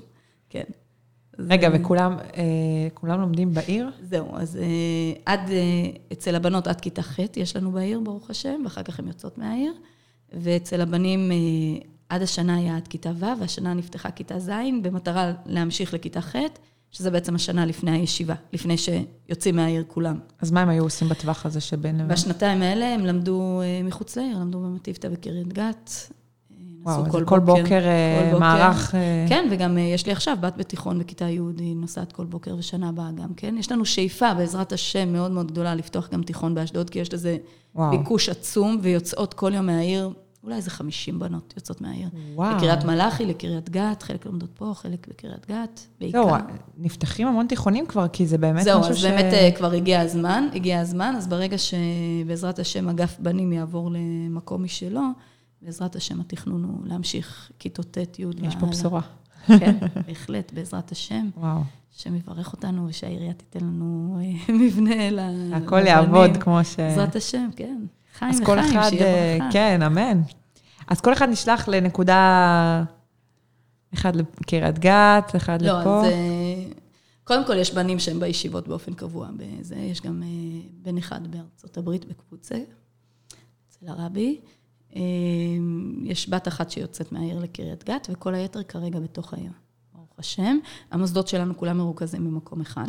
אוי, איזה כיף. שזה ברכה עצומה. יש קמפוס גדול שיש בו מעון, גני ילדים, איזה גיל כיף. שלוש, ארבע וחמש, כאילו זה, ובית ספר. הכל באותו מקום, ובאמת אה, מקום מקסים, יפהפה, ברובע י"ג באשדוד. רגע, גם המעון אמרת? גם המעון שם, כן. אני פה לפ... לאסוף את הילדים, אנחנו כל היום על זה. אני, אני מאמינה לך, אני יודעת מה זה. היא מסיימת בגן, אה, שנייה, הבת שלי בש- בשלוש ורבע בבית ספר היסודי, ואז בגן ברבע לארבע, אבל בין שלוש ורבע לרבע לארבע צריך לנסוע למעון שהוא... בצד השני. הוא הוא לא כזה רחוק, אבל יש פקקים ועומס, והבן בארבע. מהמם. לכי תאספי. לכי. תאספי, ואז יש יום אחד חוג, ויום אחד בת מלך, ויום אחד זה, ויום אחד מסיימים מוקדם. כן, כן, כן, זה אני זה עוד לא מערכת פיצחתי שלמה, לגמרי את ה- מערכת שלמה. זהו, וכשהילד הבכור עוד לא מספיק גדול בשביל ללכת לבד, נכון. אז באמת זה לעבוד אז בזה. מה, ש, מה שמבורך אצלנו זה שגם יש הסעות מכל העיר. וואי, זה נורא נוח. אה, הסעות עם מלווה, מסודר. אבא שלי על זה, חבל על הזמן, אפשר להגיד שממש, אני כל הזמן אומרת שהוא כמו הבעל שם טוב שהיה מוליך את הילדים. כן, אני חושבת שזה מאוד, אה, זה מאוד אה, מושך הורים לה- להביא את הילד, כן. כי זה משהו שאתה מתעסק כן, איתו המון, כן, פותר לך כן. בעיה מאוד... כן. אז זהו, אז יש באמת, גם, גם ההסעות חזור, ברוך השם מסודר. את הקטנה שבמעון אני צריכה להחזיר. בבוקר, אז אה, הם הרשו לי פרוטקציה להעלות אותה, כי בדרך כלל גיל מעון לא לוקחים בהסעה. כן. אז אה, בבוקר הם הרשו לי להעלות אותה עם, האחים. אז... אה, בצהריים ההסעות יותר, את יודעת, זה, זה כאילו סוף יום, מבולגן, נא, לרוץ עכשיו להביא אותה מהמעון וזה, אז בצהריים אני לוקחת אותה.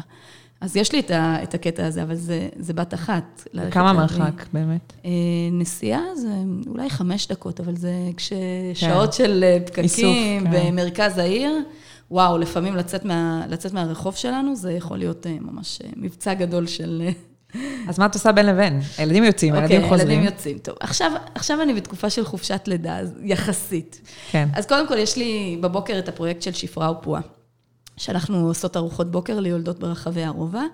אה, משתדלות מאוד לתת במשך שבועיים לכל יולדת, לא משנה מאיזה מגזר, ארוחת בוקר טעימה, מזינה, עם אה, סלט, רכיבים חמים וכולי. זה לא עומד ברמות של כפר חב"ד או נחלה מבחינת הפאר וההשקעה, כי אלה ממש נראות כמו מסעדות יוקרה, אבל בהחלט נראה כיף, מזמין, מחמם את הלב לקבל את זה. איך זה עובד? זה רק ברובע באמת? אנחנו עושים רק ברובע, יש, ויש כאלה- ברחבי העיר... יש ברחבי העיר עוד אה, כמה שליחות שהן עושות אה, ביחד ברחבי העיר. מעניין, לפעמים שואלים אותי, אני גרה פה ופה, יש פה שפרה ופועה? לא, באשדוד יש, באשדוד יש כיסוי לכל באמת העיר. תלוי מקום, כאילו. לא, יש כיסוי לכל העיר, אבל מה שניתן זה פשוט תלוי בשליחה באותו מקום. כן. כי בסופו של דבר זה, היא מתפעלת, זה הכוחות, כוח אדם שלה, ו... מישהו צריך להכין את זה, זה לא קורה בדיוק, מעצמו. כן. בדיוק.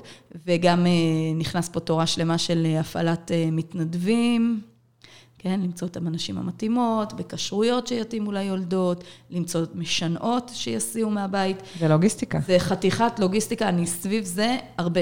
זאת כן. אומרת, זה לא רק השעה הזאת בבוקר ש... עכשיו, יש לי יום אחד קבוע בשבוע שאני מכינה. כשילדתי, אז הנשים המקסימות שלי שחררו אותי, ולא רק זה, הם גם פינקו אותי במשך יותר זמן מהרגיל. הגיע זמנך לקבל. איזה מדהימות, איזה מדהימות. כמעט חודש שלם זכיתי לקבל כל בוקר ארוחת בוקר, וכשיש. נשים שנגיד הכשרות אצלם בבית היא עדיין לא ברמה שאני אוכלת ממנה, במיוחד בשנת שמיטה, אז הם דאגו להזמין. פשוט כל יום, זאת וואו. וזאת, אה, זאת שהייתה אחראית על זה, היא אמרה לי, היום הזמינה זאת וזאת את הארוחה מפה, ותהני.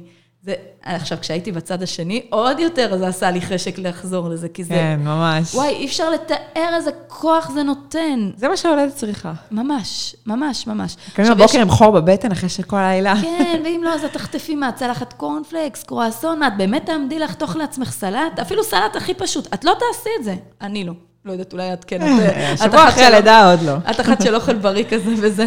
לא, זה, תשמעי, זה גם מגיע מיד אחרי הלידה. נכון. כאילו, את עוד לא אפילו, באמת, עוד אין את הכוחות, עוד אין את ה... אנחנו נותנות עד חודש, פחות או יותר, מהלידה. אחרי הקורונה. בתקופה של הקורונה, הרי לא, לא נתנו, היה את כל החשש הזה להידבק וזה וזה, אז לקח כן. זמן עד שחזרנו לזה, ואז אפשרנו גם לכאלה עד חצי שנה מהלידה, כי אני יודעת שאלה שילדו בקורונה, וואו, זה המון. אלה שילדו בקורונה, לא הייתה להם חופשת לידה, ועם כל הסטרס מסביב וזה, אז נתנו ככה, פשוט באותו מידה, היה לנו באותה תקופה המון המון המון. רגע, אז מי. שמאז ילדה עוד פעם, היא מקבלת שתי ארוחות? וואו, כן. ואז זה לוקח לך את הבוקר, ככה, ההתחלה של הבוקר. זה תופס את ההתחלה של הבוקר, יש יום אחד בשבוע שאני מכינה, ומשתדלת גם לנסוע בעצמי ולהביא, בגלל שאני רוצה, אני רוצה לפגוש את היולדות. יש יולדות שכאילו רק תביא להם ושלום. את כאילו, יודעת איך עושים פה? איך? כל יולדת, היא צריכה לדאוג שיהיה לה באמת כתוב על הדלת את השם משפחה, משאירה כיסא. אה, באמת? כן, כדי לא להטריח כאילו... כי יש אה, קטע כזה, כי היולדת בבוקר הרבה פעמים היא ככה עם פיג'מה וזה, ויש כאלה שלא נעים להם לפתוח לי והכול.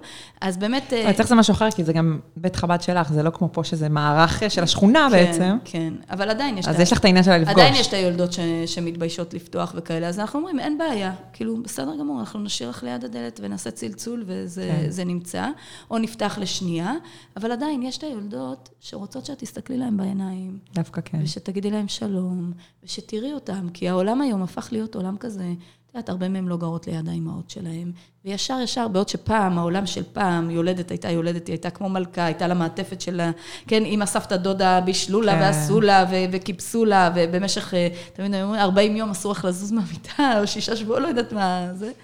היום יולדות חוזרות וישר, טיק טק לעניינים. להוציא את הילדים, להעמיד מכונות כביסה, לעשות זה, הכל מנוכר. רגע, איפה אני? איפה שבוע הרגש- שוכחים שילדת. בדיוק, והכוחות, ואיפה אני, ואיפה הרגשות שלי, ו- וכל ההורמונים המשתוללים. ויש בפירוש יולדות ש- שרוצות, איך אומרים, שיסתכלו עליהם, ש... כל יולדת רוצה שיסתכלו עליה, פשוט לא לכולם יש לא, את אבל מי יש ש... כאלה, ש... יש כאלה שכשמביאים להם את הארוחת, יש כאלה שמביאים להם את הארוחת בוקר, תעזבי, תעשי טובה, תביא לי, אני חוזרת אבל לישון. זה בדרך כלל כנראה כאלה שיש להם מישהו שיסתכל עליהם. כן, כנראה. פשוט עניין של ו- אה, צורך. זהו, אז, אז זה לפעמים ממש לזהות את זה. לראות ולבוא ולהגיד בוקר טוב, אז אני משתדלת באמת. ממש ערך אה, מוסף מעבר לארוחה. פעם בשבוע לבוא, אה, אני, אני מכניסה אותם אחר כך לרשימת תפוצה, שאני מעדכנת על כל מיני דברים שאנחנו עושים לילדים, מציעה להם, כן? מי שרוצה, זה לא... התינוק גדל, זה... או גם לילדים האחרים כן. בבית, איזשהו רעיון לפרשת שבוע אה, בבוקר. גם נשים, אגב, יולדות לא, לא מוגדרות שומרות תורה ומצוות מאוד שמחות לקבל את זה. בטח. כאילו איזה תזכורת, יש, יש את יודעת שיש היום ארגונים שמחקים את זה? כן, יש אה, אה, שמעתי... סירי לידה. כן, סירי לידה. אם לאם. הייתי באיזה, בקיסריה, אני חושבת, אה, מיזם סירי לידה, ואני כן, יש כזה, זה וואי, שכונות. זה ממש... אבל אני אגיד לך משהו, אסירי לידה, הוא עובד יותר על צהריים ערב, לדאוג לכל המשפחה, שזה מדהים וזה מזין. ארוחת הבוקר היא לך. נטו ליולדת, כן. נטו כוח ליולדת. וזה פשוט לפעמים מהכוח של ארוחת הבוקר הזאת, היא, היא קמה כל היום. והמחשבה הזאת, מישהו אחר חשב עליי. אישה עמדה במטבח וטיגנה חביתה מאוד טעימה.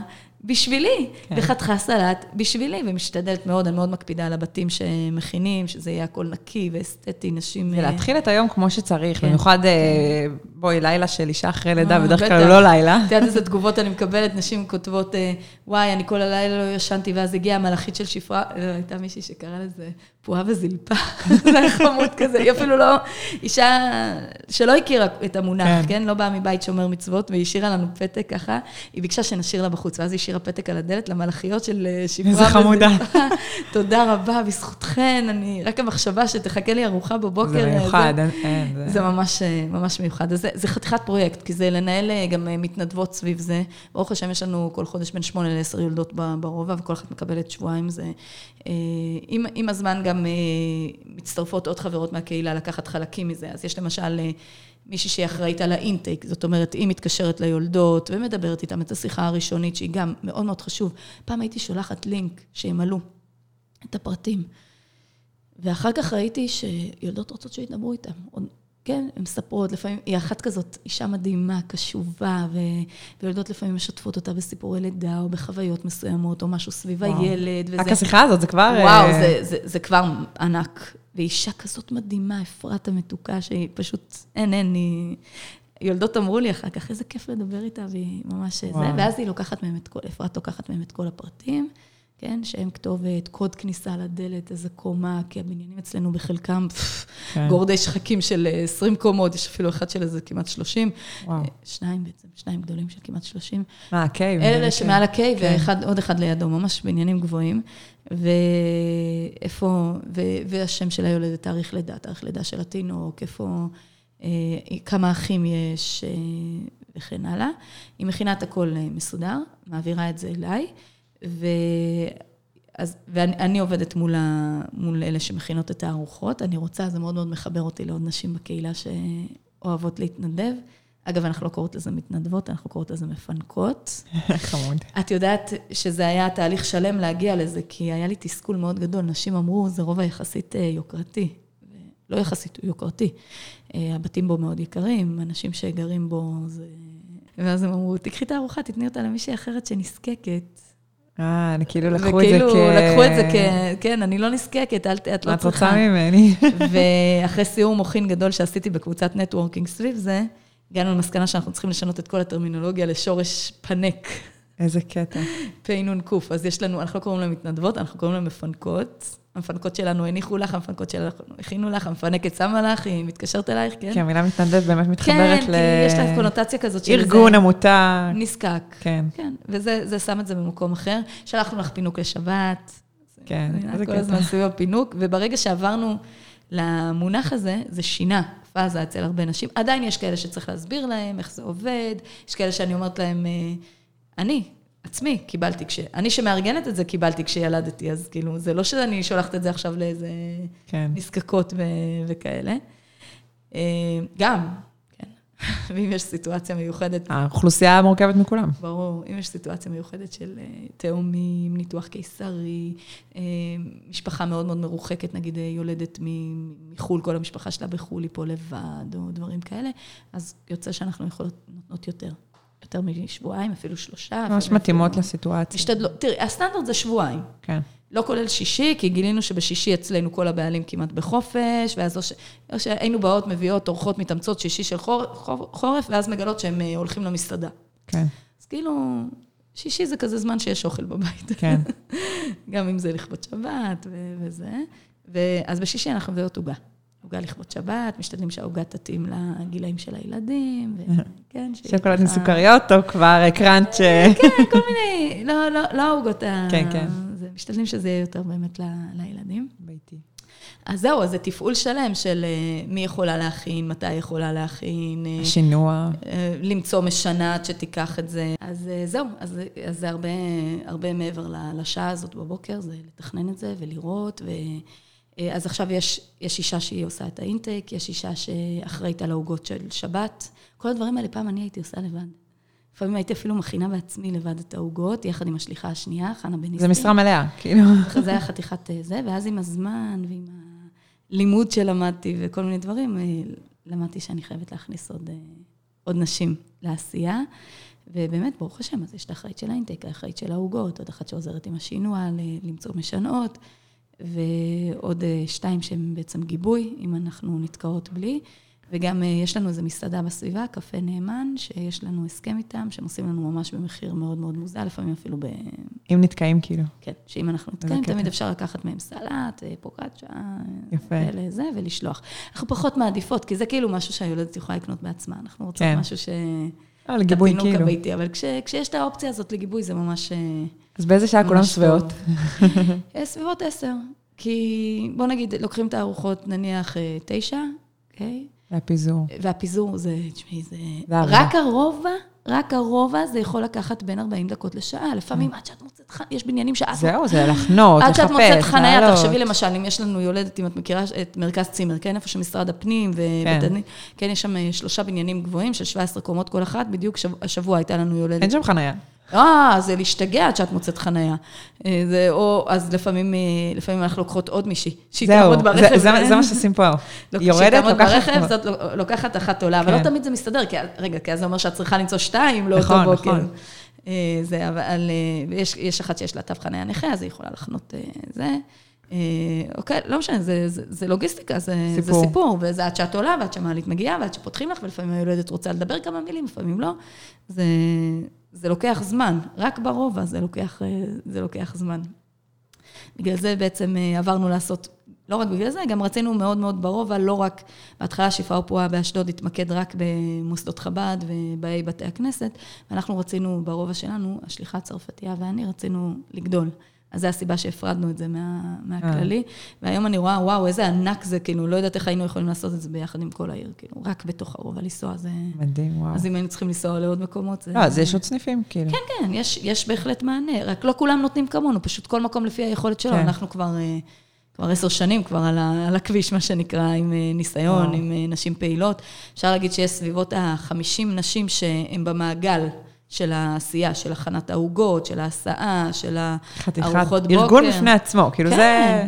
תשמעי, ניהול, ניהול מתנדבים, כמו שזה נקרא, זה חתיכת אה, פרויקט.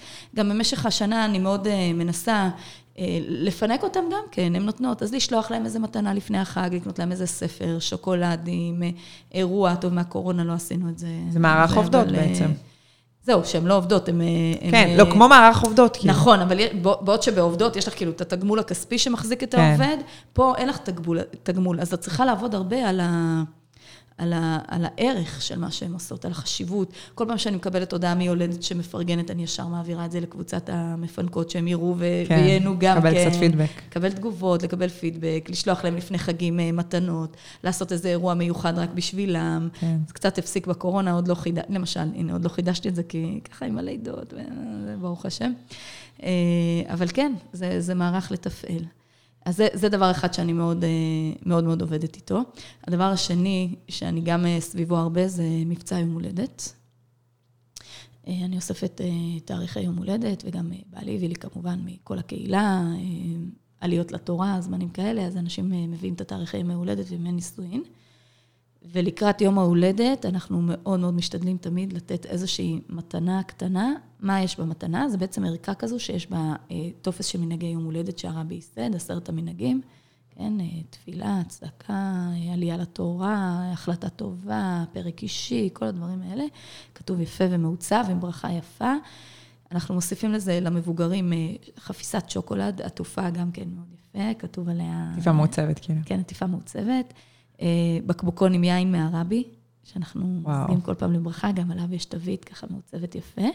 עכשיו, אה, היתר זה, זה משתנה, זאת אומרת, זה, זה תלוי במידת הקרבה שלנו לאנשים. אה, יש אנשים שאנחנו גם נוסיף עוגה, יש אנשים שנוסיף בקבוק יין יותר גדול, יש אנשים שנקנה להם מתנה, ויש כאלה, אבל את יודעת מה? זה לא משנה מה... אם, אם מישהו, נגיד, הוא תורם הרבה לבית חב"ד וזה, אז ננצל את יום ההולדת כן. כהזדמנות להוקיר אותו וניתן לו... בהזדמנות הזאת עוד משהו, איזה ספר קודש, איזה משהו. אבל ראיתי שאפילו ה- השוקולד הקטן הזה, וזה שאת זוכרת למישהו את היום הולדת היהודי כן. שלו, וואו, איך אנשים אוהבים את זה, וגם יש, לי, יש לנו את הזכות להזכיר להם את המנהגי יום הולדת. אז אני דואגת לזה, וכשמדובר בגבר, אז בעלי כמובן לוקח ו- ומביא. יש לבעלי, אה, סיפרתי שהוא היה מהשלוחים, כן? אז יש לו תהילים שהוא זכה לקבל מהרבי, וביום ההולדת הוא מציע לאנשים שמכירים בערך של זה, כי לא כן. כולם אה, זה, הוא מציע להם להגיד את פרק התהילים החדש שלהם מתוך התהילים של. הרבי. אז אה, ככה, איזה ערך מוסף מיוחד. אה, וגם לילדים, בעיקר ילדים של, ה, של הקהילה שאנחנו, שמתפללים בבית חב"ד, משפחות קבועות, אנחנו גם מכינים להם, אז יש תהילים אישי קטן, צמיד כזה שכתוב עליו היום מזלי גובר, חפיסת שוקולד מיוחדת בשבילם, קופת צדקה קטנה. חמוד. אה, גם בזמן של הקורונה, אז אה, בהתחלה הייתי אפילו רק שולחת הודעות וואטסאפ עם תמונה. גם כן אנשים שמחים. כולם אוהבים שזוכרים את יום זהו, ההולדת זה שלך. עצם זה שזכרת. הבאת משהו, זה בכלל בונוס, אבל... אה, כן. שמישהו אז באמת, זכר, זה- אה, זה העניין. זהו, אז ממש אני, אני גם על זה. וגם יש אנשים שבעצם צריכים להזכיר להם, אה, אצלנו זה יותר היה זה, בעצם את לא, לא, התאריך גם- העברי. ברור, ברור, רובם הרי, רוב האנשים אז זהו, הם זה- סביב הלועזים. כאילו את מזכירה להם את היום הולדת. כן, כן, כן, זה היום ההולדת, יום ההולדת העברי, ואיזה תאריך מיוחד זה, ומה המשמעות. עכשיו, יש כאלה ש...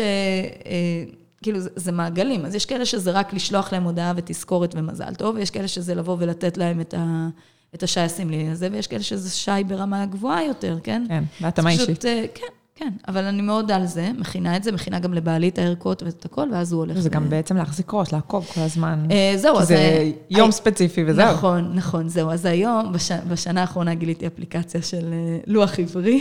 אה, זה מתזכר לך, כאילו. תקשיבי, הלוח העברי, את יכולה לעשות בו תזכורת פעם בשנה. זאת אומרת, אם הכנסתי את התאריך, נגיד שבי"ד חשוון יש יום הולדת, אה. אה, ט"ו חשוון יש יום הולדת לזה וזה, אז הוא יסמן שגם בשנה הבאה אוטומטית יש יום הולדת, ויקפיץ לי את, ה... את אוי, מעניין.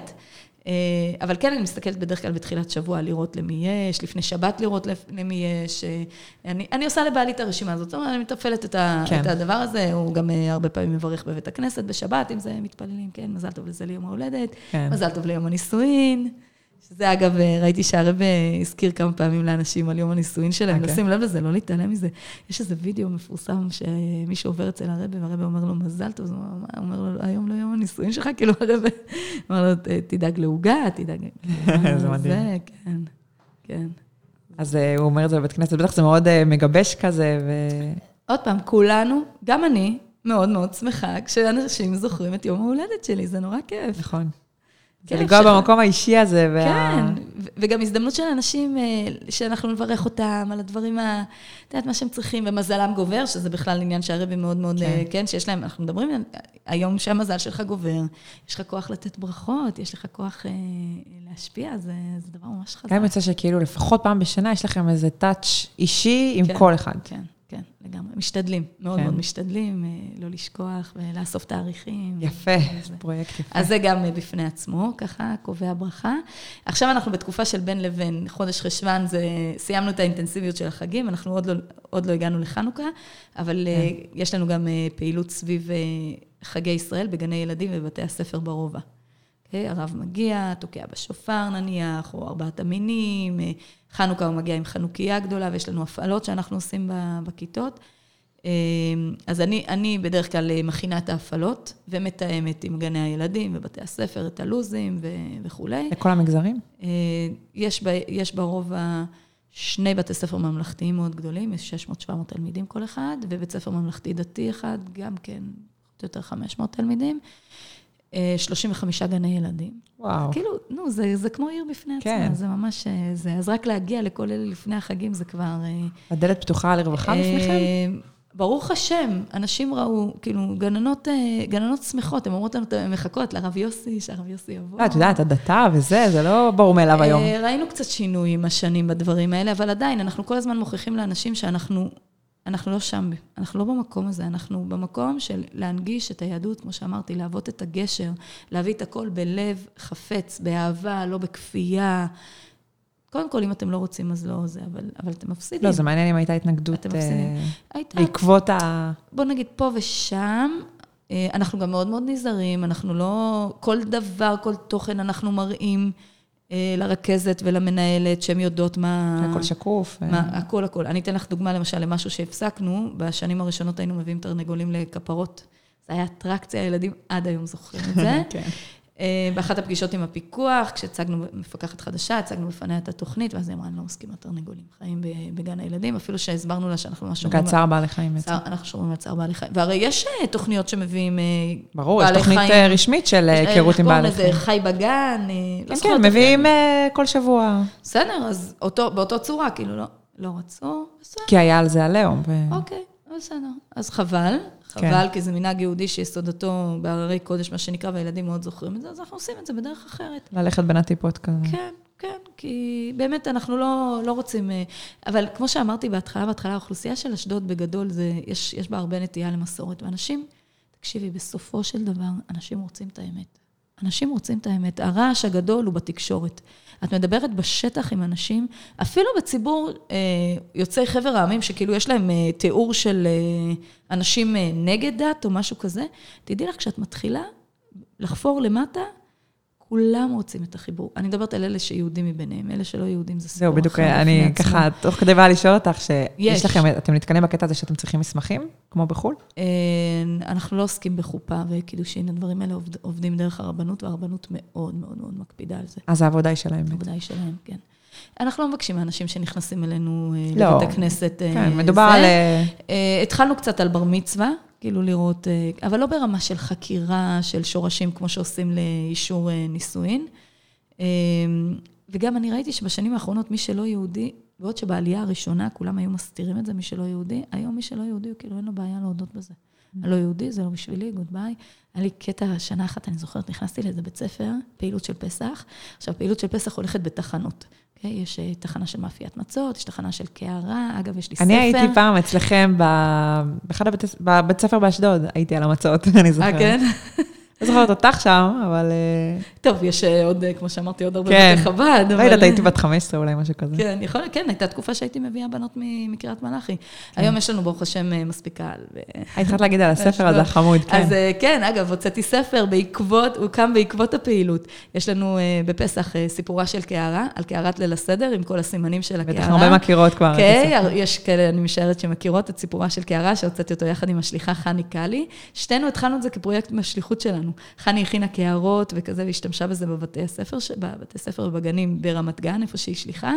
ואני אה, חיברתי סיפור על קערה גדולה שהייתה לנו. התחלתי, חיברתי סיפור, משנה לשנה שיפצתי אותו, שכללתי אותו, ואז חני ואני נפגשנו ואמרנו, יאללה, ועשינו פרויקט שלם של להוציא את הספר. אגב, יש לנו בקנה עוד ספרים שמחכים לצאת, על שבת, על החגים, על חנוכה, ממש בסגנון הזה, כי זה ספר מאוד חדשני, יש בו... אה, קטע שלוקחים את סימני הסדר ומדביקים אותם בסקוץ' למקום המתאים בסיפור כל פעם, ויש הפעלות אחריו. בסוף הדברים המוצלחים זה אלה שיצאו מהשטח, מהצורך. ממש, ממש. כל הגננות קיבלו את זה מתנה מאיתנו, אבל לא משנה, הן תמיד מחכות לקערה הגדולה. כן. כי זה מגיע עם קערה ענקית, מאוד ממחישה, מאוד uh, מסבירה. ילדים אני יודעת את הסיפור בעל פה, כל כן. הילדים כמובן, גם הילדים שמפעילים כבר uh, יודעים את זה. מכירים את זה. אז זה באמת סביב החגים כל פעם. אגב, תרגמנו אותו פעם. גם לאנגלית. אה, באמת? כן, תרגמנו אותו גם לאנגלית, ויש לנו את הטקסט ברוסית, אבל איכשהו זה התפספס עדיין עם ההדפסה. אני מניחה שאנחנו גם נעשה את זה, כי היה לזה ביקוש מאוד מאוד גדול. כן, רוסית. זאת אומרת, כבר עבדנו על תרגום, זה כבר עבר תרגום ועבר הגעה וכולי וכולי, אבל עוד לא ירד, עוד לא ירד להדפסה, אולי, אולי זה יהיה עידוד יאללה, בשבילי כן. לעשות את זה. כי יש לזה ביקוש, כי זה ממש מקיף את כל, ה, את כל העבדות וחירות וסימני הסדר וכולי, ומאוד אה, יפה. אז זה, זה קם כתוצאה מהפעילות. ואז אה, ברוך השם, אני זוכה שעוד הרבה שליחות בעולם, ומשפחות בכלל ייהנו מהסיפור הזה. כל פעם לפני פסח אני מקבלת דעה שאם הוצאנו את הספר מלמעלה, הנה הספר, אה, כן. איזה כיף זה.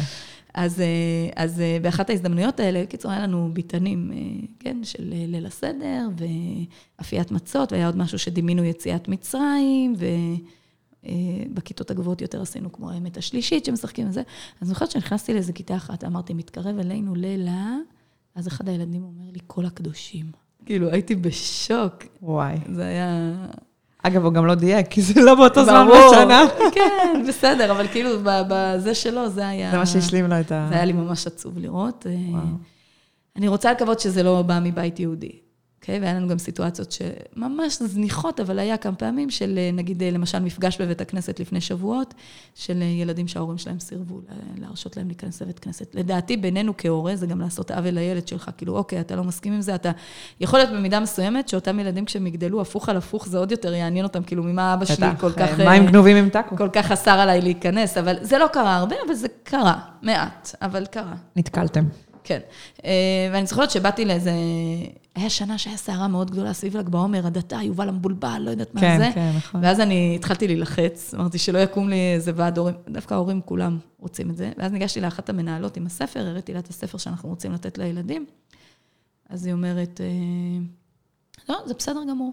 דרך אגב, מי שלא מתאים לו ערכי יהדות שאני מכניסה בבית הספר שלי, יש 40 בתי ספר אחרים בעיר, ככה היא אומרת. יש 40 בתי ספר אחרים בעיר, הם לא חייבים. כן, נכון, זה לא בית ספר דתי, אבל ערכים יהודיים וחיבור למורשת שלנו, זה היה נראה לי סיפור על דמה בנתינה אולי, או משהו כזה. זה אני רוצה שיהיה לתלמידים שלי, וזה מה שרוב ההורים אצלי רוצים, ואני לא נכנעת לצעקנים. זה היה נאום יפה. המנהלת. כן. ואז אמרתי לעצמי, אולי אני הייתי קצת יותר מדי חגבית בעיניי, כן. שחששתי כן. ככה, כי בסך הכל, הרי מה אנחנו מביאים? אנחנו לא באים אף פעם בכפייה. בוא נגיד, אף ילד לא חזר בתשובה כתוצאה מהפעילות הזאת שעשיתי אצלו בבית הספר, אבל אולי כשהגיע הפסח, אולי הוא אכל מצה, אולי הוא קיים מצווה, זה העניין שלנו, אנחנו לא סופרים את החזרה בתשובה, זה לא ה... אין לנו איזה, בסוף שנה שאנחנו צריכים להגיש דוח, כך וכך אנשים אה, החזרתי בתשובה השנה, לא. יש לי דוח לעצמי ולרבי שאני צריכה להגיש, זה כמה יהודים זיכיתי ש, שיהיו קצת יותר מחוברים ממה שהם היו קודם. אם זה דרך הדלקת נרות, אם זה דרך התפילין, אם זה דרך שבת, אם זה דרך אה, ארוחות של שפרה ופועה, שזה עידוד ילודה, שזה עניין בפני עצמו. כן, כל הדברים האלה, זה כאילו, זה, אנחנו לא נמדדים בתוצאות, אנחנו נמדדים בעשייה. באמת עצוב הפחד הזה, שאנשים אומרים, מחזירים לי את הילד בתשובה, וכאילו... לא, אז ממש לא. ממש... כאילו קצת, קצת. באמת, כשבאנו כאילו... בהתחלה לגור ברובע, אני זוכרת שנתקלנו בתגובות לא, לא נעימות, אבל היום... אה, אה, כולם, כולם, כאילו... מכירים אתכם. כן, טוב. עשיתם עבודת שטח. אנחנו, לא רק זה, אנחנו סוג של בית זכוכית, כל כך בולטים בשטח, כולם יודעים מסביב מי אנחנו, איפה אנחנו גרים. חברה אחת שלי הגיעה בשבת, הסתבכה, היא שאלה, איפה גרים פרידמן מחב"ד עם הרבה ילדים? אז הוא לה, הנה, תלכי פה. אי אפשר לפספס. ישר, אי אפשר.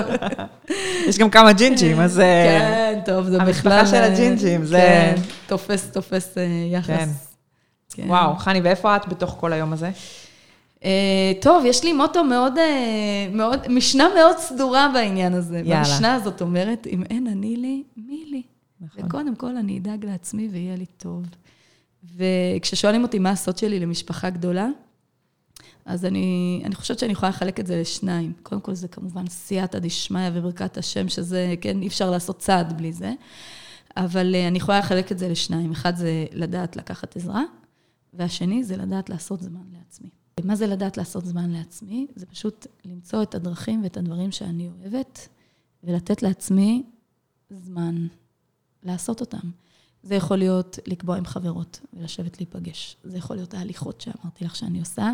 אה, לפעמים, אה, אם נגיד יצאתי בבוקר, סיימתי עם היולדות, טקטקתי את זה, אז אני יכולה ללכת אה, לחוף הים, לשבת שם להתפלל, ושם לענות על המיילים והוואטסאפים וכל הדברים האלה, ולתכנן את התורנות של שפרה ופרועה על חוף הים. זה כבר... כן. וכל פעם, כמו שאמרתי לך בהתחלה על המגורים באשדוד, כל פעם אני אומרת לעצמי, למה את לא עושה את זה לעיתים יותר קרובות? זה כל כך מרחיב את הנפש. משרד בחוף. כן. אז זה פשוט קודם כל, לשים, לשים לב לאימא. יש לנו בבית, למשל, אה, אני מרשה לעצמי לקנות שוקולד שהוא רק שלי ומיועד לי. אמ, עוגה מסוימת, טוב, זה בתחום הגשמי, אה, כן. פיזי, אבל כן. תשמעי, זה מחובר. לגמרי. אין פה, זה גוף ונפש. לגמרי להקשיב לעצמי. יש זמנים שאני יכולה להגיד, למשל, אחרי החגים, תקשיבי, עבדתי אינטנסיבי, עבדתי קשה, אני חייבת לשבת עם איזו חברה טובה, ואז אנחנו נוסעות, נפגשות, אה, אני מתאמת, יש לי עוד כמה חברות ככה שהן אה, בראש הזה, אה, נפגשות באיזשהו מקום, יושבות ביחד כמה שעות, צחוקים, את יודעת, לאכול, כיף, משהו כזה, להשתחרר, ואז את חוזרת הביתה עם כוח.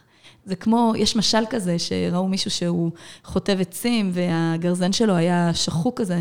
והוא ממשיך, הוא חוטא, והוא עובד, והוא מתאמץ, הוא מתאמץ. אמרו לו, תעצור רגע, ת, תחדד את המסור של, תשחיז את המסור שלך. לא, אין לי זמן, אני חייב לחתוב, אני חייב לחתוב, אבל שנייה, רגע, אם אתה תחדד את ה... תשחיז את המסור, אז יהיה לך יותר קל לחתוך. אז אם יהיה לך כוח, אם יהיה לי כוח כאימא, אז יהיה לי הרבה יותר כיף להתעסק סביב כל העשייה הרוטינית של הכביסות והבישולים. להבין, להבין שהסדר עדיפויות אמור לשקול אותו מחדש. בדיוק. מה תורם למה, מה, מה קודם למה. עכשיו, אני לא אומרת אגואיזם כל היום להיות שקועה בעצמי ורק לדאוג לעצמי ברור. ולשכוח את הילדים על הדרך. חס ושלום, זה ממש לא, ה, ממש לא הכיוון. אבל אני כן אומרת לזכור את אימא, ואחד הדברים החזקים זה באחת השנים בכינוס השלוחות, הם הראו סרטון, את מכירה את הסרטונים של חברות התעופה? של אה, הדרכה, כשעולים למטוס. אז הם כן. הראו באותה שנה, נראה לי של חברת תעופה אוסטרלית, משהו חמוד חמוד, שילדים קטנים מדגימים את זה, הם אומרים כאילו, in case of an emergency, אז הם מראים שה... שהמסכת חמצן צונחת מלמעלה, ואתה חייב קודם כל לשים אותה לעצמך, ואז אם יש לך נוסע נעזר, נגיד ילד או משהו כזה, כן. רק אז אתה יכול לתת. ואז הם דיברו על זה באותו כינוס מאוד מאוד בהרחבה, שבעצם אנחנו חייבות לתת חמצן לעצמנו. חייבות, חייבות, חייבות. אם לנו כאימהות, כשליחות, לא יהיה חמצן, אם אנחנו לא נהיה מוטענות, איך אנחנו נטעין אחרים? איך יהיה לנו בכלל כוח? איך יהיה לנו בכלל... אה, ומאוד מאוד אה, לקחתי את זה ככה באותה שנה, ולא רק, כי מאז ומתמיד היה לי את התובנה הזאת, זה פשוט שיים אותה. אני חושבת שיש להם את זה יותר בטבעי, פחות, כן. זהו, אז זה, זה, זה שיים אותה, אותו כן. כנס נתן לזה ממש את, ה, את המקום הזה, שכן, אני חייבת לתת לעצמי את הזמנים האלה, אני יכולה ללכת ללמוד משהו בשביל עצמי. אגב, אמרת פיזית, כן. התחלתי עם השוקולד, אני חושבת שפיזית אפילו הרבה נשים לא מגיעות ל... ויטמינים שהן צריכות לקחת, בדיקות. נכון. אה, מינימום של בכלל לדאוג לבריאות שלי, מבחינת, אה, אני צריכה להיות אימא בריאה וקיימת, כאילו. בדיוק. כותב המגיד ממזרד שאומר, זה חור קטן בגוף, חור גדול בנשמה. אז אה, כשאימא לא ככה, אגב, לא יודעת אם את יודעת, אבל אני נתתי לזה פומבי בכינוס השלוחות, וגם לא אכפת לי להגיד את זה פה עכשיו, ואם מישהי, זה יפריע לשידוכים של הילדים שלי, אז סימן שהמשפחה הזאת מושלמת מדי בשבילנו. אחרי אחת הלידות, היה לי גם דיכאון אחרי לידה. אה, עכשיו, לא דיכאון כאילו אקוטי ברמה של אה, אשפוזים או תרופות וכאלה, כאילו, ברוך השם, הצלחנו, בעלי ואני עלינו על זה, כאילו, מה קורה, אבל תמיד יש אחרי לידה איזו ירידה בפי... דכדוך. דכדוך כזה, כן. אבל פה הדכדוך התמשך יותר מדי. Uh, הייתי חוזרת כל בוקר לישון, וכל הפעילות הורידה רמה. עכשיו, יכול להיות שלמישהו מבחוץ שראה אותי, אני גם לא אומרת איזה לידה זה היה, יכול להיות שלמישהו מבחוץ שראה אותי, זה היה נראה שהעסקים כרגיל, כי השיעור שלי נמשך, היה לי שיעור טניה קבוע, תמיד הוא מרים אותי לגבהים, אני מאוד אוהבת, אני חוזרת אחריו, קשה לי לישון. Uh, השיעור נמשך, הפעילות בגדול נמשכה, אבל הרבה דברים, היה תחושה כזאת מאוד... Uh, כובד וחוסר חשק, ועושה דברים בכוח, ומחשבות כאילו... מחשבות מאוד רעות על עצמי, ו- וכל מיני דברים כאלה מאוד אה, זה, שהקדוש ברוך הוא שלח לנו שליחים טובים ש- שנקלוט שזאת הבעיה. והדבר הראשון שהרופאה שלי אמרה לי, כשניגשתי אליה ככה, זה היה גם צעד ללכת ולהגיד לה שככה אני מרגישה, כי נגיד בטיפת חלב שמילאתי את השאלון של אה, דיכאון אחרי לידה בחיים, לא, מה פתאום, יש לי משפחה ברוכה, אני... הכל בסדר, אני כבר יודעת. מושלם, כולם מתוקתקים, הכל זה, ולא. אז אחד הדברים הראשונים שהרופאה שלי אמרה לי, לכי תעשי בבקשה בדיקות דם מקיפות. תשמעי, היה שם חסרים, וואי, איזה בושות. בעצם יושב בהרבה מקרים הרבה פעמים חסרים. זה מתחיל מחסרים פיזיים, ואז יש כאילו, ל, ל, ל, תראה, הרגשות האלה כל הזמן נמצאים אצלנו. יש לנו ימים, יום אסל, יום באסל, כן? הורמונים. הורמונים אחרי לידה וכאלה, ותמיד יש את הרגשות האלה, משהו לא הלך לי, משהו לא הצליח לי, צעקתי על הילדים שלא רציתי וזה. זה בטווח הנורמה. אוקיי, זהו. כשזה יושב על עייפות מצטברת, על חוסר ברזל שממש מכביד על הגוף, תשמעי, זה מפיל. זה מפיל לחלוטין. וזה היה אצלי ממש, ברגע שעלינו על זה והתחלתי לקחת בחזרה ויטמינים ו- ודברים, ואז הלכתי לדבר עם אשת מקצוע, כמה פגישות בודדות, לעזור לי לצמוח בחזרה מהמקום הזה. ו- ואז התחלתי גם אה, באותה תקופה מאוד מאוד להקפיד על אה, התעמלות, זאת אומרת, על הליכה, אחר כך, בהמשך כבר נרשמתי גם למכון כושר, שאני עד היום, ברוך השם, אה, נמצאת בו. הוא, הוא, הוא סמוך לבית חב"ד, ויש להם, יש להם קורסים במשך היום, יש להם שיעורים במשך היום, אז אני יוצאת ככה שעה, חוזרת, קופצת. מאוד קופצת, כן, נורא כיף לי, סטודיו כזה כיפי, באווירה נשית, מאוד מאוד, מאוד חווייתי, מאוד כיף. אימא בריאה. אה, מנסה, מנסה כמיטב יכולתי, לשים לב. כולנו מנסים כן, ומשתדלים, כן, כמובן, יש את האפס והדאונס, אבל כן. כן, לשים את עצמי שם, לשים את עצמי ולדאוג לעצמי. אז באמת, בתקופה הזאת של ה... אני, אני לא יודעת, זה, זה היה בין דכדוך לדיכאון, okay? אוקיי? זה לא הגיע ל, לרמה האקוטית של לא לקום בבוקר, אבל תקשיבי רגע, בשבילי, הרי פעלתנות היא, היא לא אצל כולם באותו אופן, אוקיי? Okay? יש את הנשים השקטות יותר, יש את הפעלתניות יותר. יחסית לעצמך, כאילו. אז יכול להיות שאני, ביחס לאישה אחרת, היא עדיין רואה אותי, וואו, אני יוצאת ואני עושה, מה, זאת בדיכאון? כן, כי ביחס לעצמי, זה ירידה בפעלתנות. זה גם לא רק מה שרואים מבחוץ. וזה גם מה שאני מרגישה מבפנים, כאילו, כן. חוסר כוח לילדים, וחוסר כוח לבשל, וחוסר כוח לעשות, וכאילו רק לגמור את הדברים, ו- ולחזור לישון כמה שיותר. אז יש טווח שהוא נורמלי אחרי לידה לחזור לישון, ויש טווח שזה כבר מתחיל להיות אה, כן. אה, כאילו מופרז. הולך לשם. אז אה, זהו, מאז אני, אני מרגישה איזו שליחות בדבר הזה, כי אני לפני כמה שנים טובות, נעמדתי בכינוס השלוחות העולמי, עשינו סדנה שעסקה דווקא בקשיים, כי... את יודעת, אה, תמיד אה, מגיעים לכינוס, יש איזו הרגשה, וואו, זה, יש להם בניין ככה, ואלה יש להם ככה, ואלה יש להם... אה, סחרחורת של הצלחות. עושים פיפס ויש להם מיליונים שתורמים להם. לא, אף אחד לא יודע כמה קשיים עומדים מאחורה. אז החלטנו באותה שנה להעצים את הקשיים, אבל לא ממקום של, אוקיי, בוא ניפול לקושי. באמת, בכינוס הזה דיברנו על קשיים, היה כל מיני סיפורים, נשים שיתפו, בין זה נע בין אובדנים אישיים לבין אה, כאלה שגורשו ממקום השליחות שלהם, אם את זוכרת חני מסוצ'י, אז כן. היה זה. אה, עוד כל מיני אה, נשים שיתפו בדברים שלהם, אבל בצורה, לא רוצים שזה יהיה ממקום מתמסכן, שעכשיו נשב כולנו ונדמה לאור הקשיים שלהם, אלא ממקום איפה הם צמחו, איפה זה הצמיח אותם, ואיזה תובנות הם יכולות לחלוק עם כולם. וגם לנרמל את זה אולי, לא? כן, כן. כאילו כששליחה יודעת שעוד שליחות עברות, דברים כאלה. ואז אני אמרתי, כש, כשבנינו את התוכנית, את יודעת מה? אמרתי לחברה שלי, לאה, שאנחנו עבדנו ביחד באותם שנים על הכינוס, אמרתי לה, תקשיבי, אני הולכת לספר על עצמי. אני מרגישה בזה שליחות. אה, אני כל כך שמחה שעשיתי את זה. כל כך שמחה שעשיתי את זה, כי פשוט הצפתי את זה למעלה, כי אני חייבת להגיד שכל אישה שיש לה מעל שלושה ילדים, על פי הספרות המקצועית, נחשבת בקבוצת סיכון. וואו. זה קבוצת סיכון, למה? כי קודם כל, זה נקרא לידות מרובות, אוקיי, לעולם הכללי זה נקרא שלושה לידות, יחסי, אה, כן. כן. אבל אה, כן, כי יש את הנפילות של ההורמונים ואת ה... אמ, את העייפות שלה אחרי לידה, וכאילו כאילו בעצם האישה נמצאת בעצמה במקום של סיכון יותר. ואת חייבת להיות מודעת לזה, ולפעמים נשים כאילו לא מבינות מה קורה להן. עכשיו, זה לא רק דיכאון, זה גם חרדה. חרדות אחרי לידה, נשים פתאום רואות כל מיני סיוטים. עכשיו, כולנו יש לנו איזה פחד מסוים, כן? ש- ש- שהילדים יחזרו לשלום, שהכל יהיה בסדר, כשהם לא, יוצאים לדרך. מדובר על משהו שהוא... אבל פה את מדברת על כן. נשים שכאילו לא ישנות לילות שלמים בגלל שזה, כאילו, אחרי לידה, הן פשוט נמצאות באיזה מתקפה של חרדה ממש אה, זה, שזה עוד... הגוף לא מאוזן, וזה טריגר ל... לכל הדברים האלה. עכשיו, אם יש איזשהו טריגר סביבתי, נגיד, יש איזושהי מערכת יחסים בעייתית מול ההורים, מול אחים, מול אה, ילדים, מול אה, אה, בן הזוג, משהו קרה במקום העבודה או משהו כזה, אז תוסיפי לזה את המצב הגופני הירוד, תוסיפי, וואו, זה מתכון בדוק לנפילה. בדוק.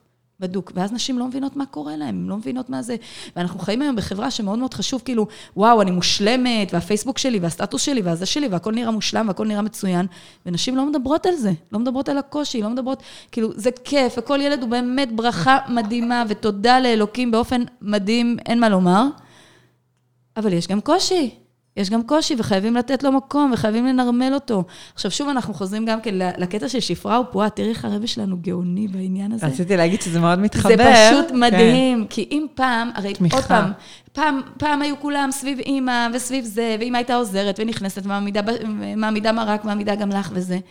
ופתאום פה, היום אנשים גרים לבד, במגדלים האלה, בזה, כל אחד חי לעצמו, אנשים יכולים, השם ישמור, למות בבניין ואף אחד לא ידע, כן? כן. ו, ו, ולא ישימו לב, יש ארבע מעליות, מי רואה את השני, זה חנייה, זה יוצא פה, זה יוצא שם, שלום ולהתראות, כן? העולם כאילו קטן, אבל אתה יותר לבד. אבל בודד. כן. קטן ובודד. זה, זה, בא, זה בא ביחד במידה כן. מסוימת. וכולם מראים את כל הדברים הטובים והזה, ופתאום, אה, אני חושבת שבאתי בכינוס ו, ופתחתי את זה בקול, זה נתן לזה מאוד נורמליזציה, הרבה מאוד שליחות פנו אליי. שליחות פנו אליי על שליחות אחרות שאת לא יכולה לדעת אם זה על עצמם או לא, ואני יודעת גם שלא פנו אליי, אבל הם פשוט שמעו, ו- וקיבלו, השיתוף. וקיבלו תוקף, ש... כי, כי כשדיברתי על זה, אז גם עניתי מהם התסמינים ש, שעומדים מאחורי זה, מה אפשר לעשות לזה, איך, איך את יכולה לעזור לעצמך, איך את יכולה להתקדם, איך את יכולה... כאילו... כל דבר שמעלים אותו למודעות הוא מאוד פתאום... מקל עצם, אני חושבת עצם ה... הנרמול של... ידיעת המחלה חצי תרופה גם, ו... והנרמול, אני לא היחידה. אני לא- כן. לא... וגם זה היה קריאה לשליחות, תשימו לב לשליחות סביבכן. יש לך חברה, טוב, יש, יש מקומות בחו"ל שהשליחה הקרובה היא שש שעות נסיעה, עשר שעות נסיעה, טיסה, אבל עדיין, לפעמים יש לך אה, כאלה שנוסעים מפה לשם וזה, שליחות אמרו לי, את אמרת, אז פתאום זאת ילדה, מהר מהר הוצאתי כמה עוגות, שלחתי אליה, לא משנה, היא צריכה את זה, לא צריכה את זה, היא צריכה את ההרגשה, כן, היא צריכה כן. את ה...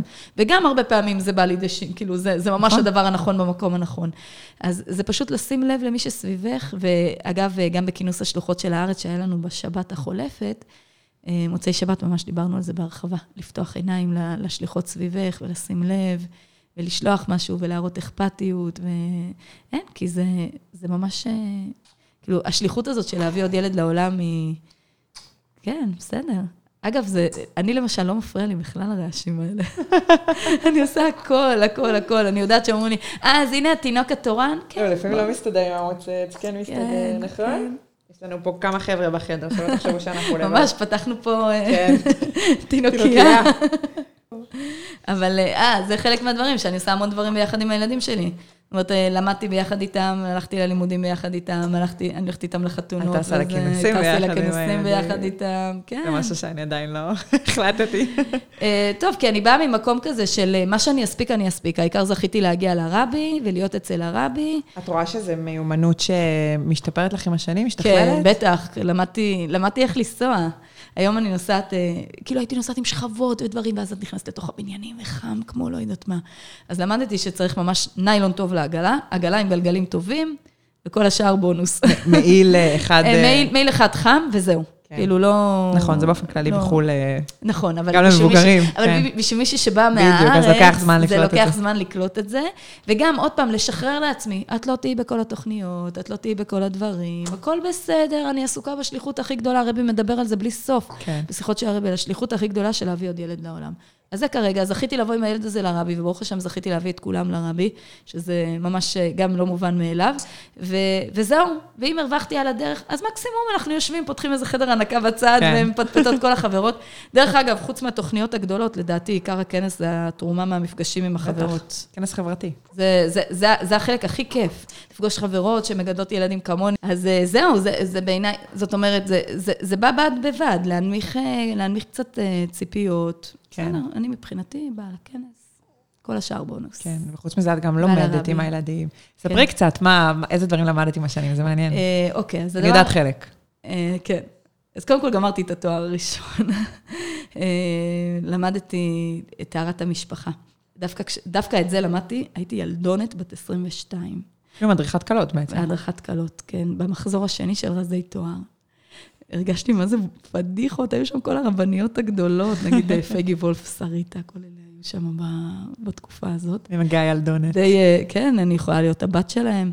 אבל אה, אימא שלי, שהיא כאמור השליחה הראשית, היא, שפת האם שלה היא לא עברית, והיא אמרה לי, תקשיבי, חסר פה, יש פה מחסור במדריכת קלות. אני רוצה להשתתף לך בלימודים, השתתפה אה, זה, אנחנו חייבים פה שת, שיהיה מענה להדרכת קלות. עכשיו, אני הלכתי בעצמי, בקושי הכרתי איך נראה המקווה מבפנים, לא ידעתי מה זה. ישבתי, למדתי בשיעור, הקשבתי טוב. קודם כל, נתרמתי מזה לעצמי, וואו, לבית שלי, לשמירת הלכות שלי, לזה שלי. והתחלתי להדריך קלות, אה, למסור שיעורי נשים. גם בהקלה הראשונה וגם בשיעור הראשון היה לי סיפורים ממש מדהימים ש... בשיעור הראשון הייתה אישה שהייתה טובלת יום לפני, לפני המועד, כי הייתה מחשיבה את ההפסק טהרה בתור, אה, בתור יום. זה היה טעות, פספסה את זה, כאילו. ממש פספסה. היום, ברוב המקוואות, או ששואלים אותך, או שכתוב על הקיר, היום טובלת מי שעשתה הפסק ביום הזה והזה. אבל אז זה לא היה... בוא נגיד, גם כל המערך בארץ עבר שינוי מאוד גדול. גם הרבנות לקחה את זה מאוד לתשומת ליבה, והחליפו בלניות, המון המון המון שינויים, מקוואות משתדרגים, ברוך השם, באמת אה, עובר מהפך, יש תנופה מאוד גדולה בעניין לא, הזה. את מדברת על לפני אה, המון שנה. אני מדברת איתך לפני, אה, כן. 20 שנה. 20 שנה, כן, בן 20 הבן הזה, שנולד באותה תקופה. אז כן, הייתי באה איתו לשיעור, וישבתי איתו בצד, וכשהוא היה צריך, אם, זה, אם זו הייתה מרצה אישה, הייתי יושבת בצד ומניקה, ואם זה היה מרצה גבר, אז הייתי יוצאת לכמה דקות, מניקה ו- וחוזרת. אני חושבת שכשהילד גם ליד אימא, הוא בדרך כלל יותר רגוע. כן. יש רגיעות כזאת. אז קודם כל, זה, זה מה שהתחלתי, ולהדריך ולהנחות אה, סביב טהרת המשפחה. ובמשך השנים, אני מאוד מאוד אוהבת ללמוד, מאוד מאוד אוהבת ללמוד. אני פשוט לומדת סדרתית, גם מספרים וגם, מ... וגם בקורסים, וכל פעם, כמעט כל שנה חיפשתי עצמי, גם כשעבדתי בתור מורה, ביום החופשי למדתי משהו. וואו. איזשהו תחום. אני יודעת, יש הרבה שאמרו לי, מה היום החופשי שלך? תקשיבי, שנה אחת אמרתי, כולם מדברות על היום החופשי, בואו ניקח יום חופשי. כי כשאני התחלתי ללמד, נכנסתי ישר שנה ד' שלא היה לי יום חופשי, הייתי כן. צריכה להגיע ללימודים, אז כאילו לא זה, ואז המשכתי. אמרתי, טוב, השנה אני לא אלמד. תקשיבי, לא, לא הרגשתי סיפוק ביום החופשי הזה, נכון? אוקיי, היה לי זמן בבית לעשות דברים, אבל היה לי את אותו זמן, עבודה מתכווצת לפי הזמן שיש לך. כן, קמת בבוקר, ומה אני לומדת היום, כאילו? אוקיי, מה אני עושה היום? בסדר, אז אני אנקה את הבית, אוקיי, אז אני אסדר, אוקיי, אני אכין את התוכנית למסיבת ראש חודש, אוקיי, זה בסדר, אוקיי, הייתי עושה את הכל גם בלי זה, וחבל, כן. אני מפסידה. אני אוהבת את האינטראקציה עם עוד נשים, ללמוד עוד דברים, ו- ולהחכים בכל מיני אה, דברים. אז במשך השנים, באמת, קודם כל, אה, הרבה סביב אה, טהרת המשפחה וזוגיות, כל מיני קורסים כאלה. אה, למשל, הדרכה של קלות שחוו פגיעה, לקחתי קורס, אה, קורס ב... שזה כאילו נישה בפני עצמה. כן, כן, אבל אה, בתוקף זה שאני בבית חב"ד, אז קורה לי גם, גם כאלה. נתקלת בהכל. ולדעת, ולדעת איך לגשת אליהם ומה לשים לב, ומתי, איפה הגבולות גזרה שלי, שאני יכולה לעזור ומה לטפל הלאה. כן. דבר מאוד מאוד חשוב בעניין הזה. אה, וגם למדתי כל מיני דברים, או סתם, הלכתי לדברים של כיף. הייתה תקופה שהייתה לי מאוד מאוד מאוד סטרס, נרשמתי לאיזה חוג אומנות. עכשיו, אני באומנות לא כאלה חברים טובים, אני, אני לא מגדירה את עצמי אחת עם ידיים אה, מאוד uh, טובות. אבל למה הלכתי לזה? הלכתי ביחד עם אחותי, וזה היה בשבילנו, שהיא גם שליחה באשדוד, קורס במסגרת בית המורה באשדוד, ופשוט זה היה שלוש שעות שבועיות שהיינו יושבות, את יודעת, להתעסק עם חומרים, יש בזה משהו, מה זה מרגיש? כי גם אם היצירות אחר כך הלכו לפח. לא משנה. מרפא ומרפא. משהו מאוד, כן. כאילו, משחרר, בלי... זה היה פשוט כיף, כיף. ועל הדרך הכרתי כל מיני חומרים. עוד פעם, אני לא אשת אומנות שמתעסקת בהם, אבל זה מעניין לדעת, או להביא מדי פעם איזה סדנה אלינו לבית חב"ד, כן. לערב נשים. כל תחום שנחשפים אליו, הוא לא, איפשהו בסוף פוגש אותך. זה מגדיל ראש, זה כן. מגדיל ראש, זה פותח את העיניים, זה, זה באמת איזה... אה, הייתה שנה אחת שלמדתי במחזור הראשון של בית ספר לקולנוע מעלה, בשלוחה החרדית שלהם, כי אני מאוד מאוד אוהבת את ה... תחום של ההפקות. בעצם למדת הפקת סרטים? הפקת סרטים ובימוי דוקומנטרי. עשיתי סרט דוקומנטרי. אה, איזה? אה, לא הפצתי אותו, זה היה סיפור אישי של וואו, מעבר מבריאות ל...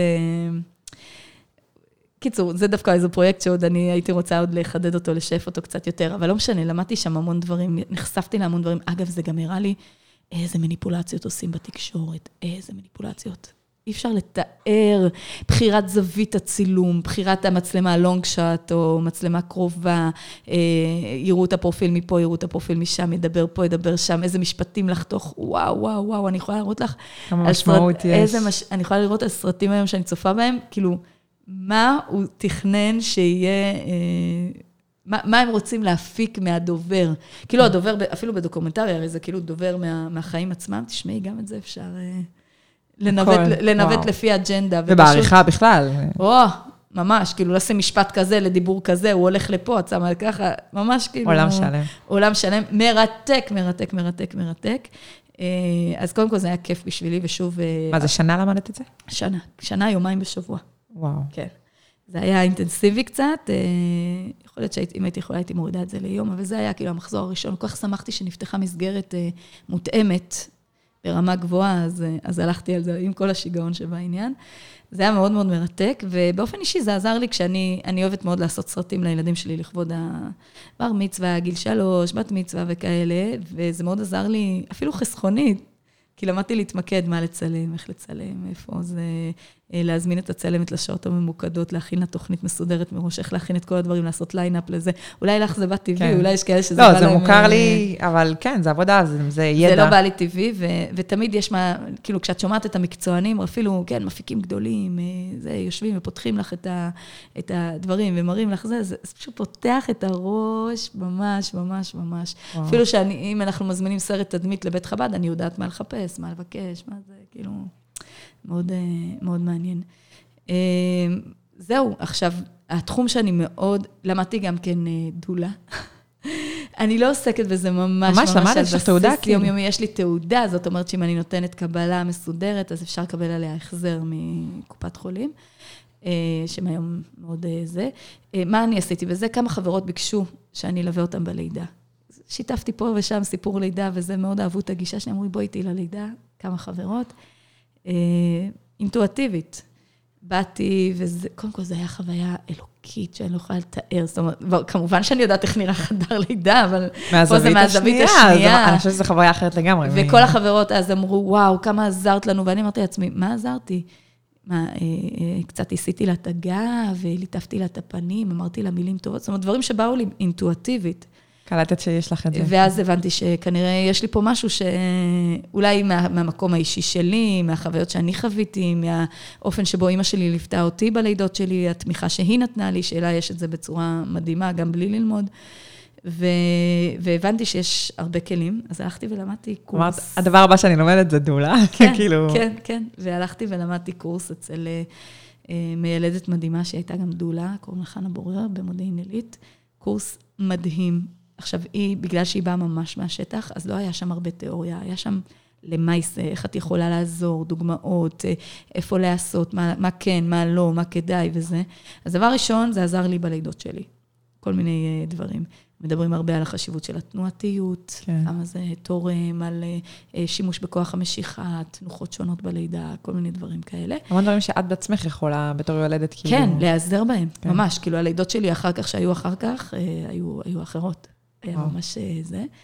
עוד יותר, כאילו, ברוך השם, אה, יש דברים שבאו לי אינטואטיבית. זאת אומרת, התנועתיות הזאת היא משהו שהגוף שלי דרש את זה, אבל לא ידעתי עד כמה עד כמה זה נכון, עד כמה... כן. כי חדרי לידה, היום יש בהם שינויים, אבל חדרי לידה, בוא נגיד לפני 20 שנה וכאלה, התפיסה שלהם הייתה, יולדת באה, קושרים אותה, איך אומרים, רגליים על ה... למעלה, ושלום. לעצור את כל ההתקדמות. וזה בדיוק עוצר את ההתקדמות, וזה בדיוק הפך הכוח המשיכה, והפך הטבע שהקדוש ברוך הוא ברא לנו וכאלה. ופתאום לקבל איזה אישור, אה, אישור... וכל הספרים שעסקו בלידה, זה היה הגישה שלהם. ובשנים האחרונות יש המון אה, מגמה של חזרה לאחור. כל הזמן זה הרגיש לי לא נכון. כן. אז כששמעתי את זה וקראתי את זה וזה, זה קיבל אה, כן. משמעות אה, חזקה יותר. רגע, וזה היה לפני שהלכת לייעוץ הארגוני וכל התחום הזה? כן. זה כאילו לסירוגין כזה, אפשר להגיד. אה, הייעוץ הארגוני זה הגיע מתוך אה, צורך בסיסי בתוך השטח, שנייה, אני כבר אגיד לך, אבל אה, מה שקורה עם הדולה זה שאני לא, אני לא עכשיו לקחתי את זה כמקצוע שאני לוקחת לי חמש ילדות בחודש ונמצאת בכוננות כל הזמן, אלא אני מלווה באמת נשים שקרובות אליי, חברות שמבקשות ממני, ו, וחברות מתוך הקהילה, או נשים שככה, לפעמים יש, מבקשים דולה למישהי שהיא בלי משפחה או משהו כזה, אז לפעמים גם לזה. כאילו, סוג של בוחרת בפינצטה, כי זה להיות כן. בכוננות ו, ולהיות דרוכה כל הזמן, והטלפון הטלפון צריך להיות דלוק בשבת, ויצא לי לידה בשבועות, למשל. וואו. כן? שבועות תחת טילים. זה היה, אבל זה היה, ברוך השם, זה היה ממש מימי ו- ומדהים. ובגלל שיש לי ילדים קטנים, ומאז שנפתח אצלנו באשדוד אה, אסותא, אז אני רק מלווה שם. זה, שזה יהיה קצת שפוי. זה כאילו, הצבתי את זה, לה... כן, כי אז אה, גם אם יש לי תינוק יונק, אפשר להביא לי אותו... זה מרחק הליכה? אה, ממך? כן, כן, כן. עשר דקות בערך. אה, וואו. אני מנסה להריץ לעצמי בראש, אתה אומר, כן, האמת, כן, תחשבי, אם... אה, זה שלושה צמתים. כן. שלושה צמתים על בגין, אני, אני גרה ממש בפינה של בגין ובני ברית. אז אה, כן, זה היה... אז, אז מדי פעם אני עוסקת בזה. עכשיו... משהו מהצד כזה. בשביל, בשביל, בשביל כן. החוויה, בשביל הכיף, כאילו בתור איזה סל שהכנסתי לי, אבל היה נורא כיף ללמוד. עכשיו, אני שמה לב שכשאני יוצאת ללמוד, כל השבוע שלי נהיה מאורגן יותר, הכל, הכל מסודר יותר, יש לי לא, לא, הרי אני אחראית ללו"ז של עצמי, אז אני יודעת, ביום הזה אני לומדת, ביום הזה אני מבקרת את ההורים שלי, ביום הזה יש לי שיעור פה, ביום הזה יש לי ככה. כאילו, זה, זה מסדר לי. אז הלימודים האלה בעצם אה, מסדרים לי סוג של את השבוע, וכמו שאמרתי, הם מרחיבים לי אופקים, הם פותחים לי מקום. תקשיבי, אם למדתי על הדולה ולמדתי על כל החשיבות של תמיכה ביולדת, אז זה נכנס לי ישר למקום של שפרה ופועה. לכל, ה- לכל המערך שאנחנו אה, אה, רוצים לעשות סביבו וכולי. אני חושבת שמה שמאוד uh, כיף לשמוע בזה, זה ש... אני חושבת שיש נשים שיש להן מין חלום כזה של אה, בא לי ללמוד את זה, אבל, אבל אני לא אתעסק בזה, זאת לא תהיה עבודה שלי ממילא, אז בשביל מה? והנה, כן, אפשר לעשות את זה תראי, אני... בקטנה, בשביל אני הכיף. אגיד לך גם משהו. אני עשיתי עם בעלי איזשהו סיכום כזה, כדי לא להכביד על התקציב המשפחתי, שאם יש... זהו, זה גם עולה כסף. כן, אז שכל פעם שיש איזה משהו שאני לומדת, היה גם תקופה שלמדתי צילום, כל פעם שיש משהו שאני לומדת, אני אעסוק בתחום הזה עד שאני אכסה את העלות, ומעבר לזה זה בונוס. זאת אומרת, כן. כאילו, כי כשקלטתי ש... את יודעת, זו תובנה שהבשילה בי עם השנים, שאני אוהבת לגוון, מאוד מאוד אוהבת לגוון, מאוד אוהבת, יש שיגידו שזה הפרעת קשב, אולי, אולי אם הייתי ילדה היום היו מאבחנים את זה ככה, אה, שאני מאוד אוהבת להתעסק בכמה תחומים, לא משתעממת להינעל על משהו אחד. אגב, בית חב"ד בגלל זה נורא מעניין, כי את כל הזמן אה, יכולה להמציא את עצמך מחדש בדברים נכון, שונים. יש לך אה, מרחב. כן, כי החגים הם אותם חגים, אבל כל פעם הפעילות תהיה אחרת, וכל פעם הדברים יהיו, יהיו שונים. אה, אז זהו, אז זה, זה, זה ככה סוג של סיכום בינינו. אני, אני, מסי... אני, אני עובדת בזה, מכניסה את הסכום ש, שצריך להיות על זה, ואם אחר כך, כן, כן, כן, לא, לא, אבל זה תמיד אה, כן. הרחיב אותי. עכשיו, איך הגעתי לעניין של אה, כל התחום הארגוני והייעוץ הזה וזה? אה, היה לנו איזשהו משבר, נקודת משבר בבית חב"ד לפני שבע שנים. היינו במבנה מסוים, בבניין משרדים. אה, אני לא אכנס לכל הסיפור, גורשנו משם. בצורה מאוד מאוד לא נעימה ומאוד, בצורה ממש כאילו שהפילה אותנו ממש הקרשים. אה, במשך חודשיים התפללו אצלנו בבית, כי לא היה מקום להתפלל. וואו. ואני הייתי אז בסוף ההיריון, וואו, זה היה כל שבת להוציא את השולחנות והכיסאות החוץ. נס שאנחנו גרים בקומת קרקע, כן? ונס שהשכנים לא, לא יצאו עלינו גם כן בעניין הזה, כי זה האמת, זה התחיל רק לשבת אחת, ואז עוד שבת, ואז עוד שבת, וזה נמשך לחודשיים, עד שמצאנו מקום אחר, את המקום הנוכחי שאנחנו נמצאים בו. ויחד עם המעבר למקום החדש, גם היינו צריכים בבת אחת לגייס כסף פי עשר ממה שהיינו רגילים לגייס קודם, כן? כמו מעבר מ-50 לחצי מיליון. כן? כי, כי השכירות של המקום החדש, וכל התחזוקה, ויש קניון שצריך לשלם לו זה, ו, ו, וכל ה... הכל, הכל, וריהוט מחודש, והכל, הכל, הכל, היינו צריכים בעצם להתחיל מאפס. ואיך עושים את זה? אנחנו עד עכשיו התרגלנו לתבנית מסוימת, היינו 12-13 שנים באותו מקום, 13 שנים, ו, ופתאום את צריכה לעשות את זה. אז התחלנו במסע. לפנות לאנשי מקצוע שיעזרו לנו לבנות תוכנית תקציבית, איך אנחנו פונים לאנשים. ממש לחשב מסלול מחדש. ממש, ממש, ממש. אבל זה כאילו, אבל תקשיבי רגע, זה לחשב מסלול מחדש, אבל זה להתחיל את זה בנקודת מבט אחרת. זאת אומרת, זה לא כמו שאז התחלנו, היינו זוג צעיר, בקושי ילדתי את הבת השלישית, היינו מוכנים להמון לא, אתגרים אומרת, והכל. מחדש, כאילו לא לראשונה, אלא... זה משהו אחר לגמרי. כן. ורגע, ופתאום יש כבר קהילה, כי אז התחלנו מאפס, עכשיו פתאום יש אה, 60-70 משפחות שבאו ביחד איתנו, ו-. ו- ובאו להתפלל אצלנו בבית וכולי, ואת חייבת לתת מענה. ו- כן, מצד שני את כבר יודעת את הצרכים. יודעת נכון, למה אבל, לכוון. אבל תדעי לך שמה ש, שאני ראיתי את זה ממש חזק גם בתקופה של הקורונה, שלהתחיל מחדש משהו שהפסקת, או זה, הוא יותר קשה מאשר, סליחה, להמשיך משהו, להמשיך משהו שכבר אין לך הפסקת. את ההתלהבות יותר הראשונית. קשה, בדיוק, אין לך את ההתלהבות הראשונית, יש לך את הציפיות לעומת מה שכבר היה, יש לך כאילו... כן. זה, יותר בוא קשה נגיד, יש, להתניע. יש דברים ש, שקשה להתניע מחדש אחרי הקורונה, אפילו בעצמי, יש דברים שעדיין לא החזרתי כן. כן. לפעילות. אני שומעת את זה מאוד הרבה מאוד שליחות. ש... או בכלל, העולם השתנה אחרי הקורונה. לגרד מחדש זה, את ה- זה להתחיל מחדש למצוא בעצמנו את הכוחות. התרגלנו להיות בבית ולהתפקס על הרבה דברים בתוך כן. הבית וזה, ולהתחיל להוציא... ויש גם חידושים, כי למשל, אה, סתם, אה, השיעור שלי בטניה, אז התחלנו לשדר אותו גם בזום. משהו שקודם היה, שאם מישהי לא יכולה להגיע, אז היא פספסה את השיעור. ועכשיו, אבל מצד שני, רגע, אולי אם זה משודר בזום, אז למה שאני אטרח להגיע לשיעור הפיזי? כן. כן? מאוד מורכב. קונפליקט כזה, כן.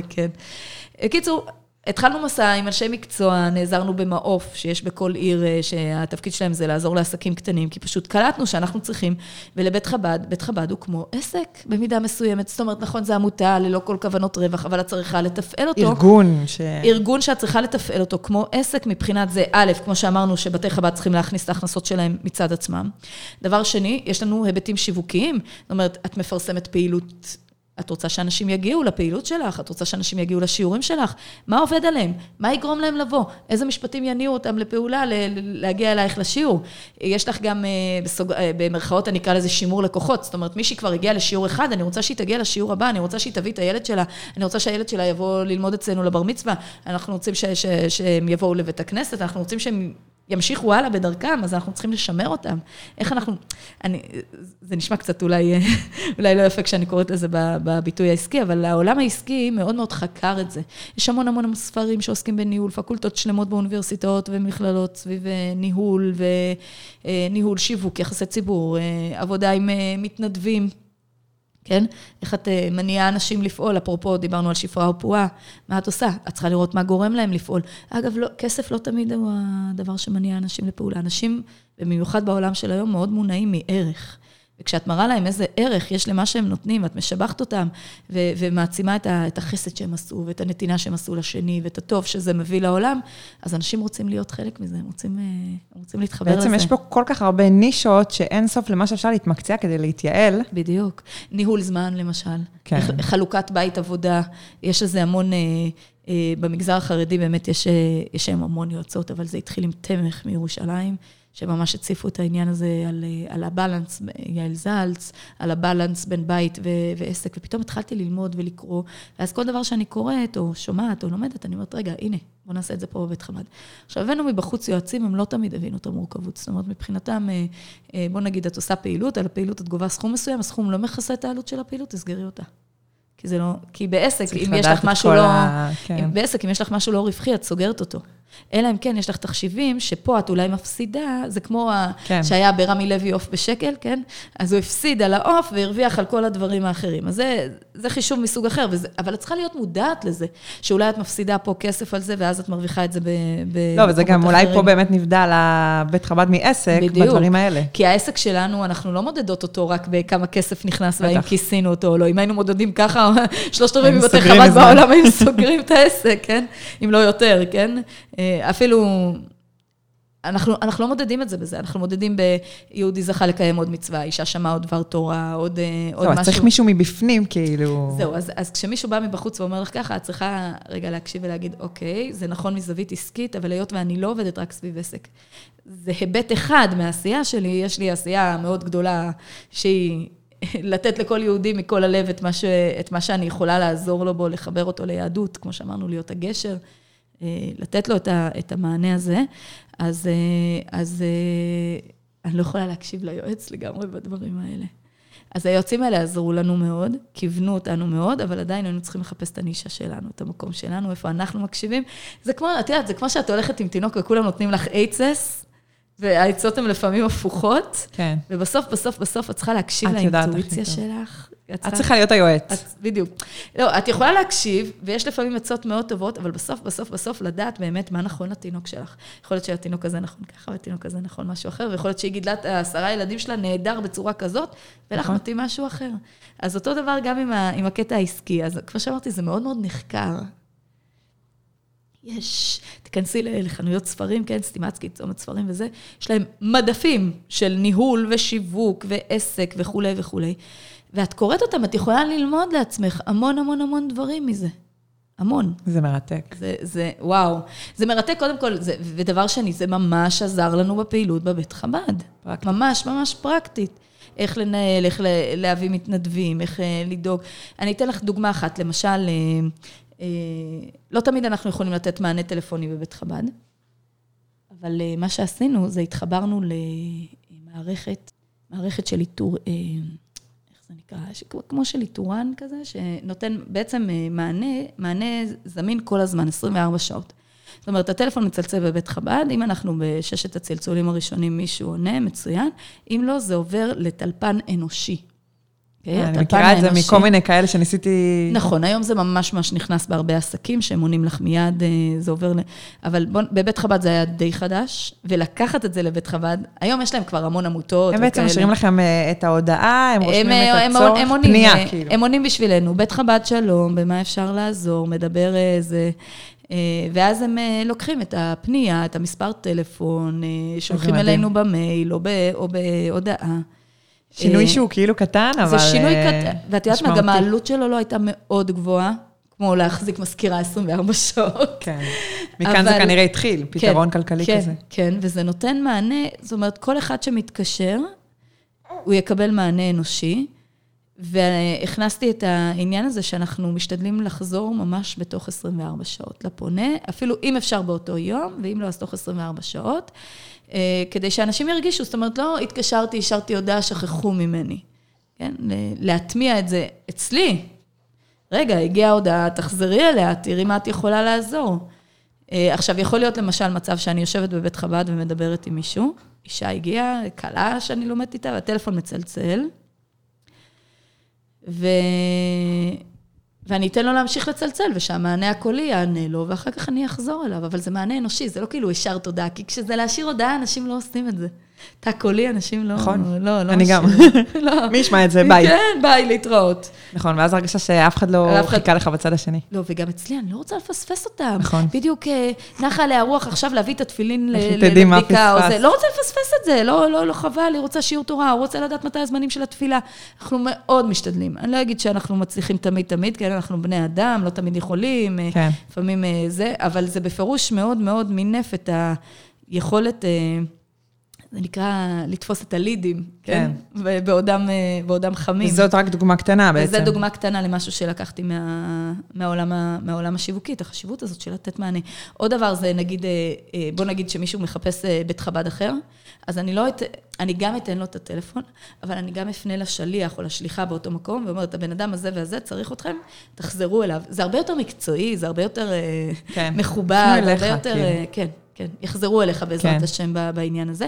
לא תמיד אני יכולה להבטיח, תלוי באיזה, כן, זה, זה ממש תלוי בהקשר פנייה, אבל זה פתאום כאילו, רגע, שנייה, למה, למה להקפיץ אותה מאחד לשני, לשלישי, לרביעי, לחמישי, שזה ישלח לזה וזה ישלח לזה? שנייה, אני... אגב, לפעמים סתם אנשים רק צריכים איזה מספר טלפון קטן, אה, בית חב"ד במקום הזה וזה. נכון שהיום הכל נמצא באינטרנט, אבל לפעמים, לא יודעת, אנשים לא בטוחים בזה, או שהם מבוגרים מכדי זה, הם רוצים לדעת שזה פעיל. אה, כן. זה, כשיוצא לנו, אם אה, יוצא לנו, אני משתדלת לשלוח משהו ככה מדי פעם, איזה שוקולד קטן לשליח או לשליחה שם. אה, לחבר. לחבר מאיתנו. אז יש המון, המון, המון, אפשר לדבר על זה מכאן ועד הודעה חדשה, התאמה של קהלי יעד, שינוי מהלכים תוך כדי, איך להוביל שינוי, איך להוביל את, ה, את הדברים האלה. אז למדתי אותם בקורס ייעוץ ארגוני של יעל זלץ במשך שנה, ממש נתרמתי מזה. ולאט לאט התחלתי לראות שזה הופך להיות כתובת לבתי חב"ד אחרים.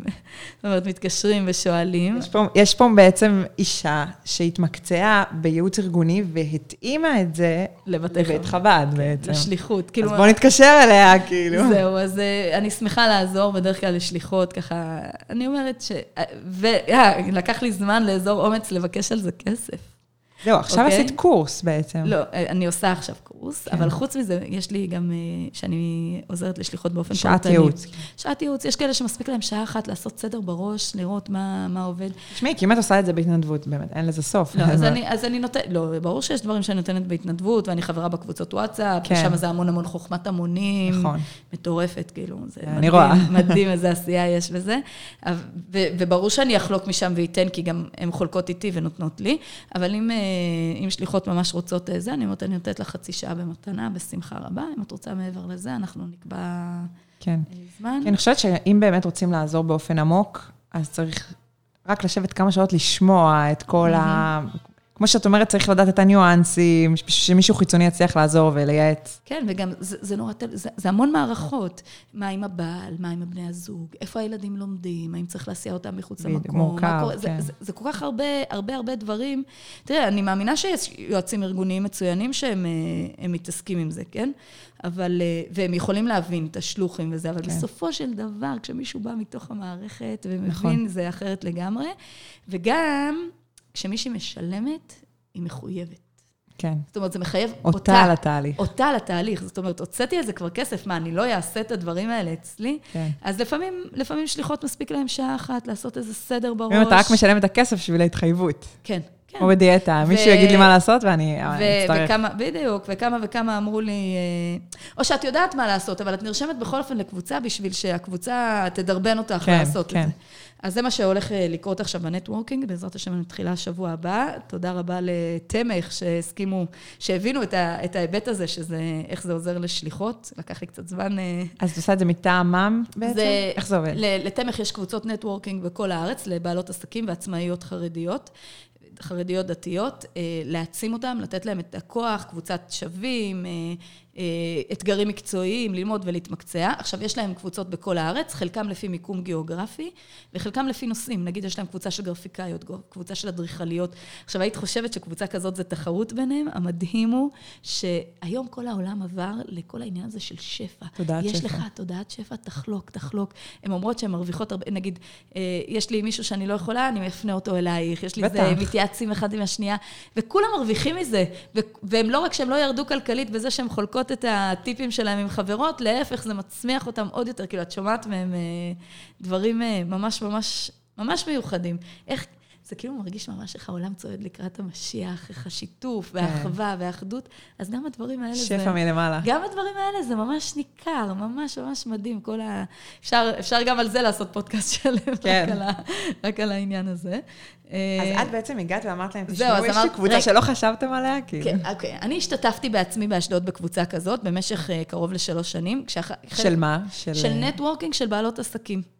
ועצמאיות. יש שם אה, למשל אה, מנחת הורים, אה, מישהי משרד גרף, עיצוב...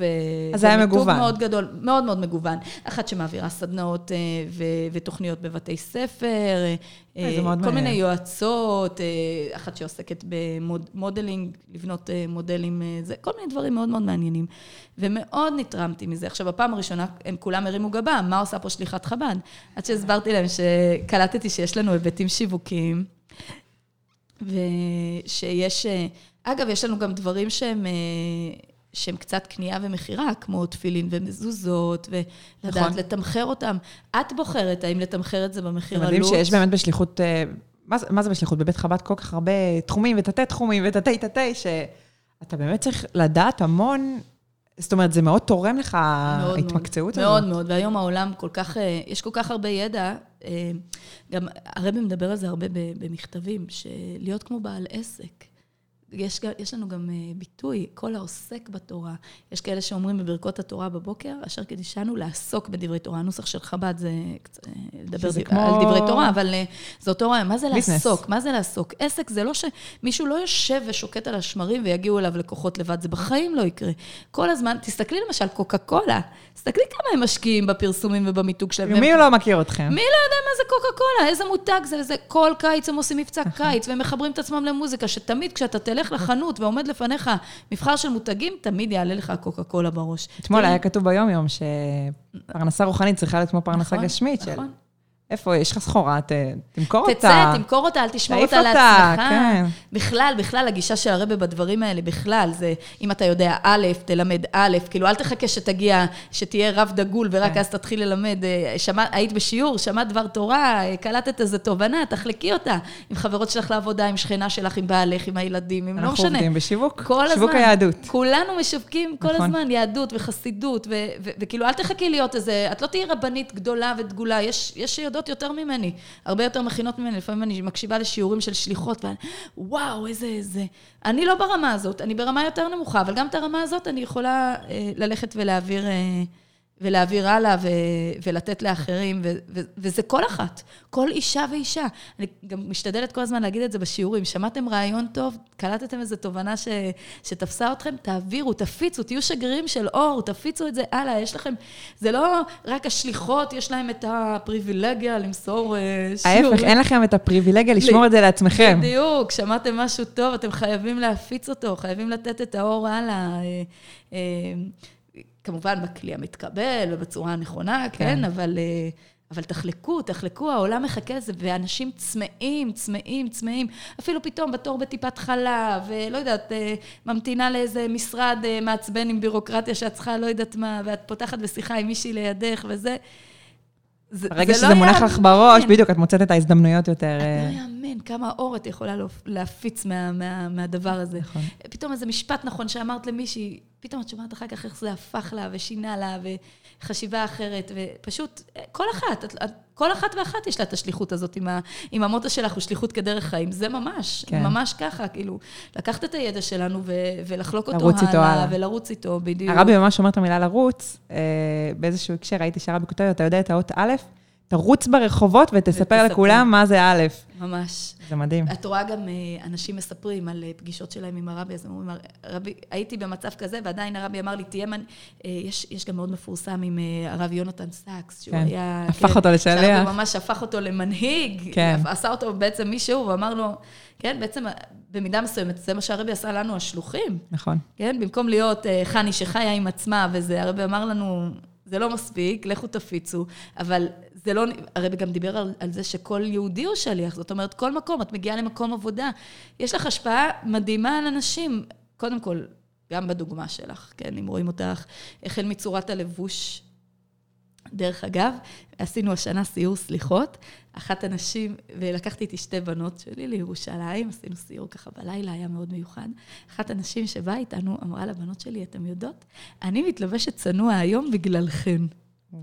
אמרנו לה, מה זה? אז היא אמרה שהיא הייתה עוברת עם הבן שלה בבוקר, כשאנחנו מחכים לאוטובוס, אנחנו מחכים על הרחוב הראשי, והיא הייתה עוברת עם הבן שלה בדרך לבית הספר, וכל פעם היא הייתה רואה, רואה אותנו, כאילו, חבורה של ילדים, ברוך השם, עומדים בחוץ, בוא נגיד, אפשר לפספס. ברוב הפעמים, לא, גם ברוב הפעמים אני משתדלת מאוד שהם יצאו מסודרים החוצה, אם כי יש את הפעמים שהם רצים הלוך ושוב, אוי, שכחתי בקבוק מים, אוי, שכחתי זה, יש גם את הפעמים האלה שלא.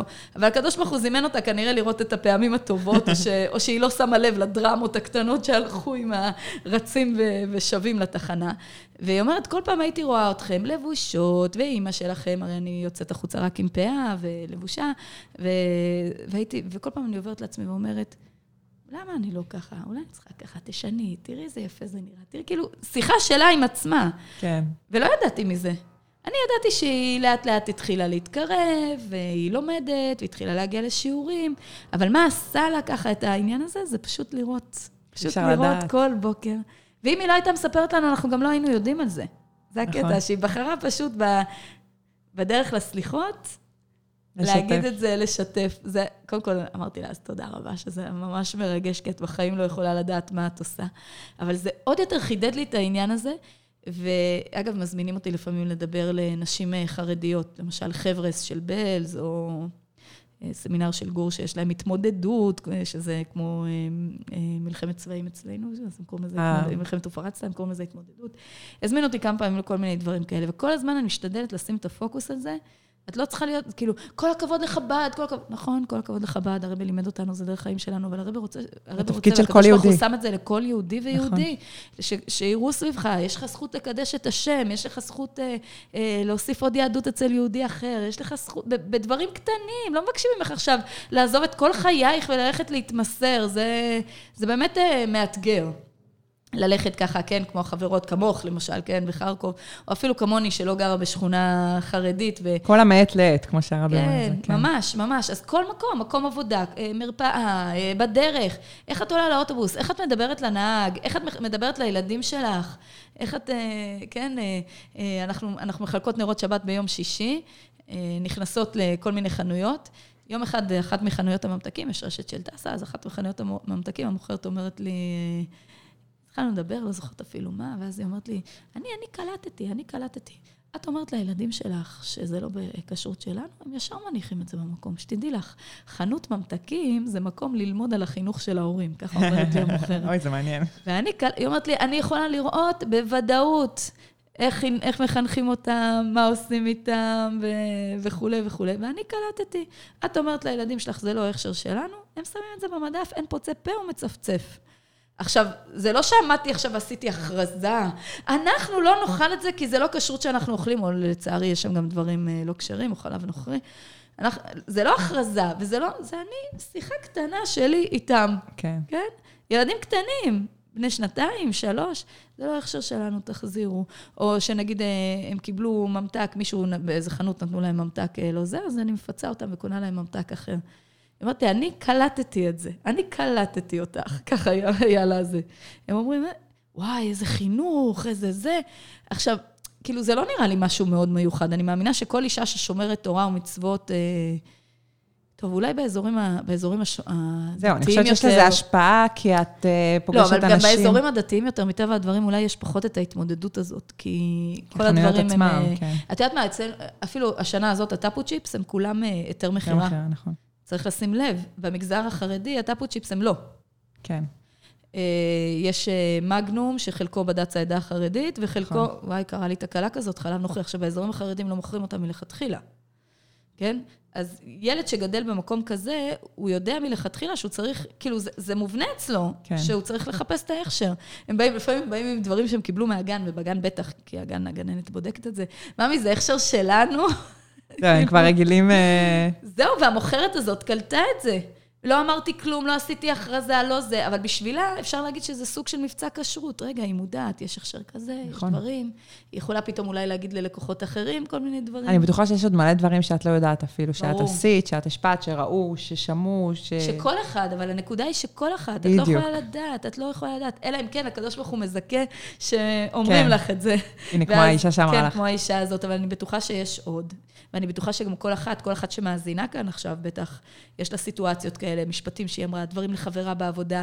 אפילו אם את עובדת במקום לא דתי, אז באים אלייך, תעזרי לי מהמזוזות, את מכירה מי יכולה לעשות הפרשת חלה, מתייחסים אלייך, כאילו, כזה. הנה, דיברנו על שיווק, אז אה, פרסומת סמויה. כן, כן, כן, כן, בהחלט, בהחלט, זה חלק, אנחנו שגרירים של הקדוש ברוך הוא בעולם. אגב, אה, באמת, בבתי חב"ד בארץ התחילו מיזם כזה מדהים שנקרא שגרירים, לקחת אנשים ולהפוך אותם לשליחים בבניינים שלהם, שהם יארגנו בבניין שלהם הדלקת נרות חנוכה, שהם יחלקו בבניין שלהם אה, אה, דברים על חגים, ממש זה בעצם, הח... מה, מה זה שליחות? הרבי שלח שליחים כדי שהם יעשו שליחים נוספים, לא שאתה נכון. לנצח... תניח לאנשים תפילין, בדיוק. אלא... בתקווה שביום מן, הז... שבזמן מן הזמנים הוא יתחיל בעזרת השם להניח כן. בעצמו. אגב, יש, בדיוק בשבת שמעתי מחברה מאשקלון שסיפרה שיש להם דוכנים, כמה דוכנים, שמתופעלים על ידי אנשים שבעלה מלכתחילה היה זה שהניח להם תפילין, והיום וואו. הם כבר, לא רק שהם מניחים בעצמם, הם גם מתפעלים את, ה... את הדוכנים בימי שישי, שזה... זה מדהים. זה ממש מדהים. את רואה את הדברים האלה, את אומרת, וואו, איזה... איזה אלוקות, איזה, איזה כוח, כאילו, איזה מתנה הרבי נתן לנו גם כן השליחות. להסתכל על זה. ובסך הכל, הוא, הוא, הוא הכניס את זה לכלל ישראל. זאת אומרת, לפני כן, לפני שהרבי העצים את זה, אף אחד לא דיבר על שליחות ועל לצאת וזה. היום את רואה שכל הארגונים וכל הקהילות... כן, זה כזה נפוץ מה... ורווח. מקסים, זה מה שאנחנו רוצים, ומלא הארץ דעה את השם, שיהיה כמה שיותר. ותאמיני לי, כמה שיהיה, עדיין יש מה לתת, וגם כן. יש... ו- וחוץ מרובד קיום המצוות הבסיסי, אז יש את החסידות, את התוספות, את ה... מעבר לזה, כן? זה... יש עוד כל הזמן לכולנו מה להתקדם ומה ללמוד ומה לעשות. אז זה ככה משהו שאני רוצה... בנישה של השיווק. לה, מרגישה שאני רוצה להגיד לכולם, שאיפה שאת נמצאת, שהקדוש ברוך הוא הכניס אותך לשם בהשגחה פרטית, תחפשי את הערך המוסף שאת יכולה לתת שם, את המילה הטובה. לפעמים זה אפילו תוך כדי שיחה, בפינת קפה, כן? אה, מכינות קפה, ואז את מספרת איזה משהו יפה ששמעת אתמול. את לא יכולה לדעת מה זה ייתן לאותה אישה, את לא יכולה לדעת איפה זה ישפיע עליה, את לא יכולה לדעת איפה זה ירים נכון. אותה, איך זה, איך זה פתאום ייתן לה. את לא יכולה לדעת. זה להיות בתודעה הזאת, זה להסתכל החוצה. כן. להסתכל מסביבך. כמו, איך אומרים על הרבי, מדבר על יוסף הצדיק, ש... הוא יושב בבית האסורים, וכולו יכול להיות אה, מסכן ולהתעסק בחיים המרים שעברו עליו, אבל הוא דווקא שם לב למישהו אחד שכמה יום זהו, עם אה, מצב רוח לא טוב. ומזה כל... ומה יצא מזה, כל כן. עם ישראל, כל העולם, כל העולם בעצם ניצל מרעב. נכון. שהוא שאל אותו, למה רעים פניך? את ה- בעצם לפקוח עיניים ולהסתכל ממש. מסביבנו, וזה זה מדהים. זה, וזה כוח שיש לכל אחת, לא צריך להיות uh, שליחת חב"ד בטייטל בשביל זה. לגמרי, לגמרי. חני, יש לי שאלה מעניינת. אם היו אומרים לך שאת יכולה לצאת לשליחות, את צריכה לצאת לשליחות, לפתוח בית חב"ד בכל מקום בעולם שתרצי, חוץ מאשדוד. איפה זה היה? שאלה מעניינת באמת. אה, האמת שאני חושבת שזה משתנה. אם היית שואלת אותי את זה נניח לפני אה, עשר שנים, בתחילת הדרך. בתחיל, או בתחילת הדרך, מן הסתם שהייתי מחפשת איזה מקום למטיילים בחו"ל, אני מאוד אוהבת את העניין ואת ה... זה סביב אה, אנשים שונים. זה אגב גם מה שאני מאוד אוהבת, לשבת בבית חב"ד ופשוט לדבר עם אנשים שמגיעים, פגוש את עם ישראל. לפגוש אותם, כל הסוגים, כל הגוונים, בעיתות שמחה, בעיתות חס ושלום הפוך. מאוד אוהבת את זה. את יודעת, זה מעניין, אומרים בחקר המוח שיש איזה באמת גיל מסוים, אני חושבת מגיל 24, שאנשים, מפלס לקיחת הסיכונים יורד באופן משמעותי. נכון, בגלל זה חושבת- בב- בביטוח, את יודעת שביטוח רכב אה, מעל כן, גיל 24. נכון, זה הגיל. ובאמת אני חושבת שרוב השליחים שיצאו למקומות שהם יותר הרפתקניים, אם אפשר לומר, אז אה, זה באמת קרה כי הם היו צעירים. אנשים בגיל אה, נמוך יותר בעצם לוקחים יותר סיכונים, כנראה בגלל זה זה משתנה לך. את אומרת, פעם הייתי הולכת למקום כזה, יכול והיום... להיות, אה, יכול להיות, יכול להיות שבאמת עם השנים, אה, נראה לי שאם הייתי צריכה ללכת עכשיו, או אפילו אם הייתי צריכה לבחור שכונה אחרת בתוך אשדוד, יכול להיות שהייתי בוחרת אזור יותר שקט. סגנון של מושב, עבודה אישית אחד על אחד, וזה. העיר הגדולה היא מאוד סואנת, היא מאוד דומה, והיא גם, את יודעת, זו גם הרגשה מאוד מחייבת. גרים ברוב האלפי, אלפי, אלפי יהודים, אני חייבת... חייבת לנסות לנגוע בכולם, חייבת לנסות לא, להגיע. את כל הזמן יכולה רק לספר לעצמך כמה אנשים עוד לא הגעת אליהם. כן, ו- כי וואי, אם, אה, אם יש לנו 300 אה, ילדים באיזה פעילות, אבל רגע, יש ברובע 3,000, כאילו, זה אפילו לא 10 אחוז. אני חושבת שזה אולי חלק מהעבודה שלך, באמת להסתכל על חצי הכוס המלאה, כי אין לזה סוף. כן, טוב, זה, את יודעת, זה אחד הדברים שמאוד מאוד אה, מוליכים אותי, וזכיתי גם לחלוק את זה עם השליחות האחרות. אולי אני אספר לך את הסיפור מאחורי זה. אה, באיזה סוכות אחד עשיתי פעילות, ועשינו פעילות לילדים בבית חב"ד, אה, דוכנים וזה, ולא הגיעו הרבה. לא הגיעו הרבה, זה היה, לא יודעת, ככה, זה לפעמים באמצע החג, אה, איך פעם? לפעמים ככה, לפעמים ככה. הייתי מאוד אה, שבוזה מזה, כי בכל אופן התייגעתי וזה, ומה אני עושה לא נכון? למה לא באו? ואולי לא שיווקתי טוב, אפרופו, כן? יגעתי ולא מצאתי. כן, כן, אולי לא יגעתי. אל תאמין. אולי לא יגעתי, אז באמת, באמת זה מה שקרה. ואז אני נכנסת, כן, הפעילות היא בשטח של בית חב"ד, אני נכנסת לאזור של המשרד, ואני רואה בדיוק אה, חבילה של ספרים, הגיע איזה משלוח. קיבלנו מתנה אז ממעיינותיך, הם שלחו לכל בית חב"ד אה, אה, שלושה כרכים של פתקים מהרבי. כן, יש, כן, מבואר. מהמם. אני פותחת את, סתם, באמת סתם, אין סתם בעולם, אבל יושבת כזה, את יודעת, במצב רוח לא נעים, פותחת את הספר, הדף הראשון אומר ככה, אני אפילו אקריא לך את זה, כי זה תמונת מסך של קבוצת השליחות שלנו, מרוב שזה זה. נכון. והתמונה אומרת, הפתגם הוא ככה: על מקרים שפ... שבהם פגמים וחסרונות שונים בתוכנית מסוימת הובילו לביטולה, כתב הרבי. זאת אומרת, מישהו אמר, התוכנית לא בסדר, זה לא יוצא מושלם, אני מבטל אותה. אז הרבי כתב להם ככה: כבר אמרתי דעתי כמה וכמה פעמים, והמילים כמה וכמה יש קו מתחתיהם. אגב, זה הרי מגיע עם צילום של הכתב יד קודש של מקורי, הרבי, כן, כן. המקורי. כבר אמרתי דעתי כמה וכמה פעמים, כמה וכמה, שכל פעולה טובה, איזו שתהיה, טובה שלא בערך, ושוב מתחת המילים שלא בערך, מופיע אה, קו מודגש, מהיעדר פעולה. אתה אומר, כבר אמרתי דעתי כמה וכמה פעמים, שכל פעולה טובה, איזו שתהיה, טובה שלא בערך מהיעדר פעולה. אני כולי צמרמורת, וזה לא הפעם הראשונה. מה שאת עושה, תקשיבי, אני חייבת להגיד, אני, זה לא סתם שמנו את זה בתמונת מסך, וזה לא סתם מודבק לי בחדר. זה ב- כתוב לי בחרקוב, מעל השולחן. ממש. זה כאילו, שכל, זה לא משנה, אז באו עשרה ילדים והיו יכולים להגיע מאה, זה עדיף מאשר לא לעשות כלום. עדיף את הדבר הקטן הזה. נכון, אני לא יכולה לצאת לחלק נרות שבת עכשיו לכל השכונה, אבל אני יכולה להגיע לעשר, יכולה להגיע לעשרים, תקופת הקורונה למשל, לא יכולנו לחלק, לא זה.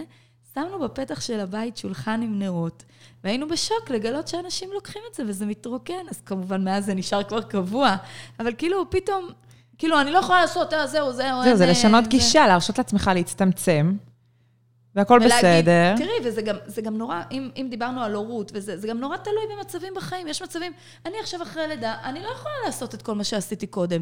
זה לא שייך, השליחות הראשונה שלי היא בבית. קודם כל, אני אימא לילדים שלי. הרי בכל הזמן דיבר על זה, הוא דיבר על זה גם בדגש לשלוחים, נכון. ש, לשליחות. כל פעולה שלא תעשו בחוץ, היא לא בערך לילד יהודי נוסף שתביאו לעולם.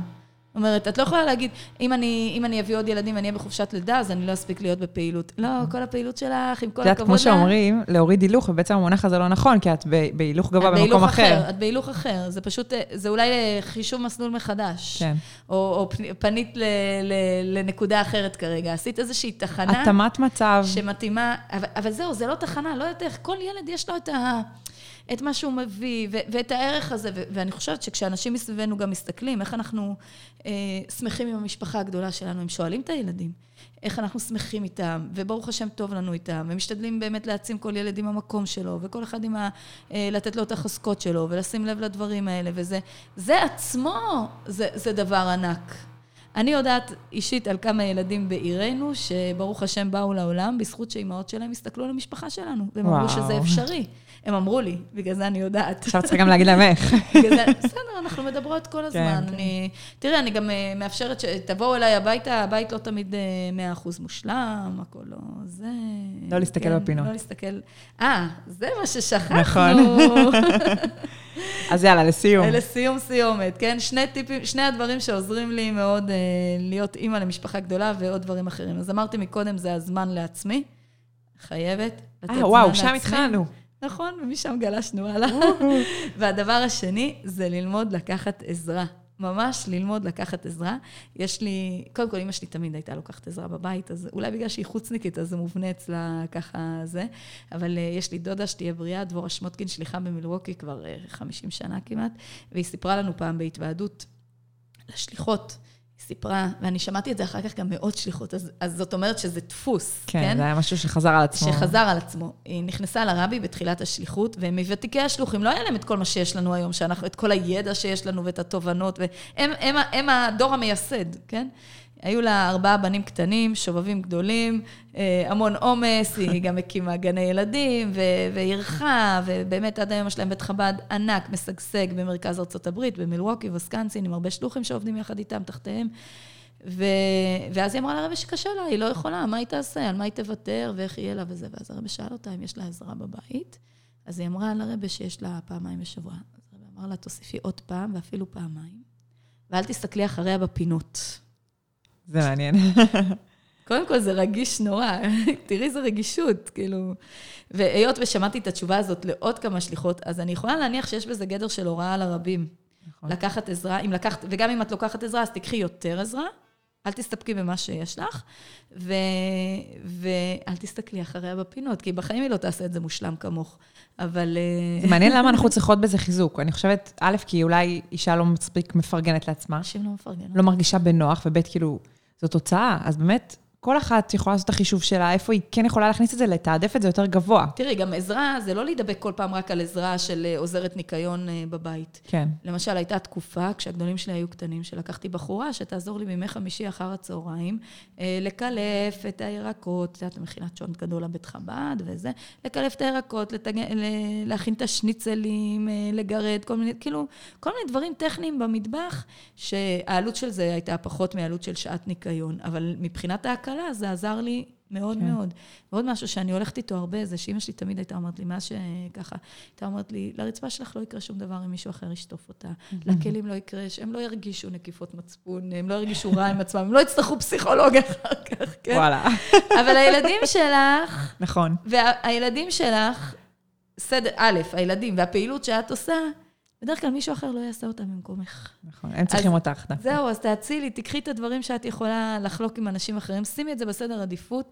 למשל, אישית לא מפריע לי רהיטים יד שנייה, לא, כדוגמה.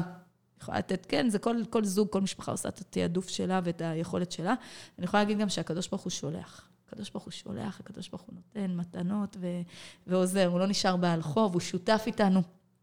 גם בילדים. לעשות 아, כלי, לפתוח את הצינור. זהו, ולשנות גישה בראש, לו. זה הרבה פעמים זה באמת... זה הרבה פעמים אה, הגישה בראש, שכאילו חוסר פרגון לעצמי, והיא לא תעשה את זה טוב כמוני. נכון, היא לא תעשה את זה טוב כמוני. בסדר. אבל, אבל, אבל לגדל את הילדים, כרגע, שיהיה לי כוח אליהם, שיהיה לי פניות אליהם, שיהיה לי את, ה, את היכולת לשים לב למה הם צריכים. אפילו החל מהדברים הקטנים, כן? אם זה הראייה והשמיעה וה... וה שיניים ודברים כאלה, והצרכים הרגשיים, ולתת את היחס, ולתת uh, יום כיף לכל אחד שאני עושה להם מדי פעם, או כל מיני דברים כאלה של... פניות uh, בנפש לזה. את צריכה פניות בנפש, ואם יש לך על הראש כל הזמן את העול של הניקיון והכביסות והדברים האלה בלי סוף, את לא, את, את לא יכולה. אז תחפשי את מה שהיא... אם זה לא יהיה פשוט, זה פשוט לא יהיה. תחפשי את מה שיעשה לך, אפרופו. זה משפט שלך שאני... מאיפה הוא באמת? לא יודעת איפה פעם נתקלתי בו ככה במשחק מילים כזה, ופשוט אימצתי אותו לעצמי, זה סוג של דרך חיים. זה אגב, ממש, אה, היו המון פעמים שזה הנחה אותי. באיך לעשות דברים בפעילות כן. בבית חב"ד, איך לעשות שיעורים. הייתי פותחת איזה פרויקט, ואוקיי, אם זה לא יהיה פשוט, זה פשוט לא יהיה, ואיך אני עושה את זה ברמה כזאת שזה בטוח משהו שאני אעמוד בו, משהו נכון. שאני אצליח. למשל, אני ידעתי שאם אני שפרה או פועה, יתחיל להתחייב להכין ארוחות ברמות שהולכים בכפר חב"ד ובנחלה, שזה ארוחות ברמות גבוהות מאוד מאוד, עם המון המון, ו- ועשייה וזה, ונראה לי ממש שפיות מכינות את זה. ידעתי שאם אני אצטרך לעמוד ברף הזה, שפרה או פועה אצלנו יקרוס מאוד מהר.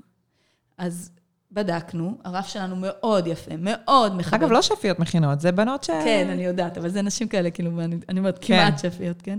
אה, אבל שמאוד מאוד מתעסקות, מאוד אוהבות את המטבח, מאוד עושות דברים כן, ברמה מאוד מאוד גבוהה, עם נראות מאוד מאוד מאוד גבוהה. עכשיו, אני לא אומרת שהנראות שלנו לא יפה. הנראות שלנו יפה ומאוד כיפית, ונשים מאוד מאוד נהנות, אבל אני ידעתי על עצמי שאם אני אצטרך להציב כזה רף, מהר מאוד זה לא יהיה. נכון. מהר מאוד זה לא יהיה, וגם הנשים האחרות לא ירצו להצטרף, כי, כי זה יהיה להם קשה. אז חיפשנו דרך לפשט את זה, ואיזה דברים אפשר לקנות, ומה אפשר להכין מראש, ומה זה, ועשינו כאילו כמו איזה סוג של צ'קליסט כזה, של הדברים שצריכים להיות, צריכים, כן, זה לא תורה למשה מסיני. הבסיס כאילו כן? שלנו. כי זה היה הדרך לחפש את הדבר הכי פשוט שיעבוד לך. אז אותו דבר, כשאני עובדת נגיד עם שליחות, והן רוצות לפתוח אצלם שפרה או פועה, מה יהיה פשוט לך? קל לך לגייס נשים לדברים כאלה, יש אצלך נשים שומרות מצוות, אין אצלך נשים שומרות מצוות. לא, אצל כל אחת הפשוט זה משהו אחר.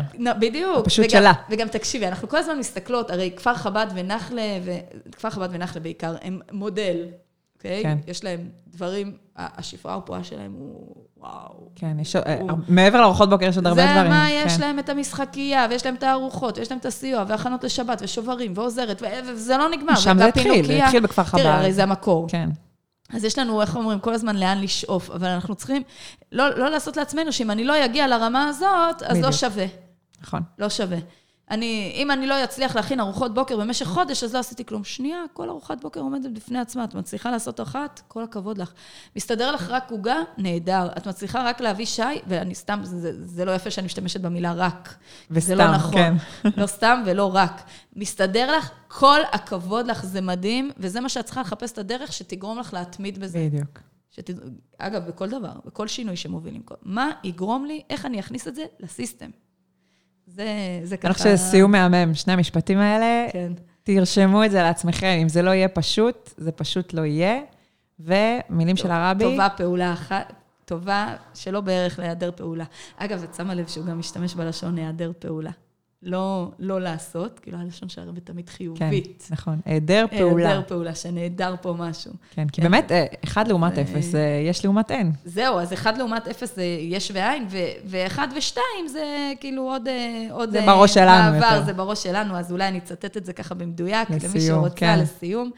כבר אמרתי דעתי כמה וכמה פעמים, שכל פעולה טובה, איזו שתהיה, טובה שלא בערך מהיעדר פעולה. ותיקחו את זה לכל תחום שלכם, לאימהות שלכם, ל... את יודעת, ארוחת ערב. כן. אה, אני לא אכין מולך, לא, נכין משהו קטן. זאת אומרת, כן. באמת, אה, כאילו לא משהו קטן. הבעיה היא שהשאיפה הזאת לשלמות ולפרפקציוניזם, היא לפעמים אה, מכניסה אותנו לאיזה, כאילו, אז לא נעשה בכלל. אנחנו גם מורגלים לגישה הזאת של כאילו לשאוף ליותר, להתאכזב מעצמנו, ו... בדיוק. הנה, בא רבי ועושה לנו סוויץ' בראש, כי... כן, זה עדיף, זה עדיף שתעשה את זה, האפס לאחד, זה כן. עדיף אה, זה. להתמקד בעיקר. כן. אז זהו, תודה לכם וואו. ש... וואו, חני, תודה, איזה כיף היה, וואו, וואו, ממש ישבנו פה ובילינו בוקר. כן. ומקוות שתפיקו את כל המרב מהפודקאסט הזה, כי היה פה הרבה הרבה. יאללה, תודה, תודה חני, ונסיעה טובה.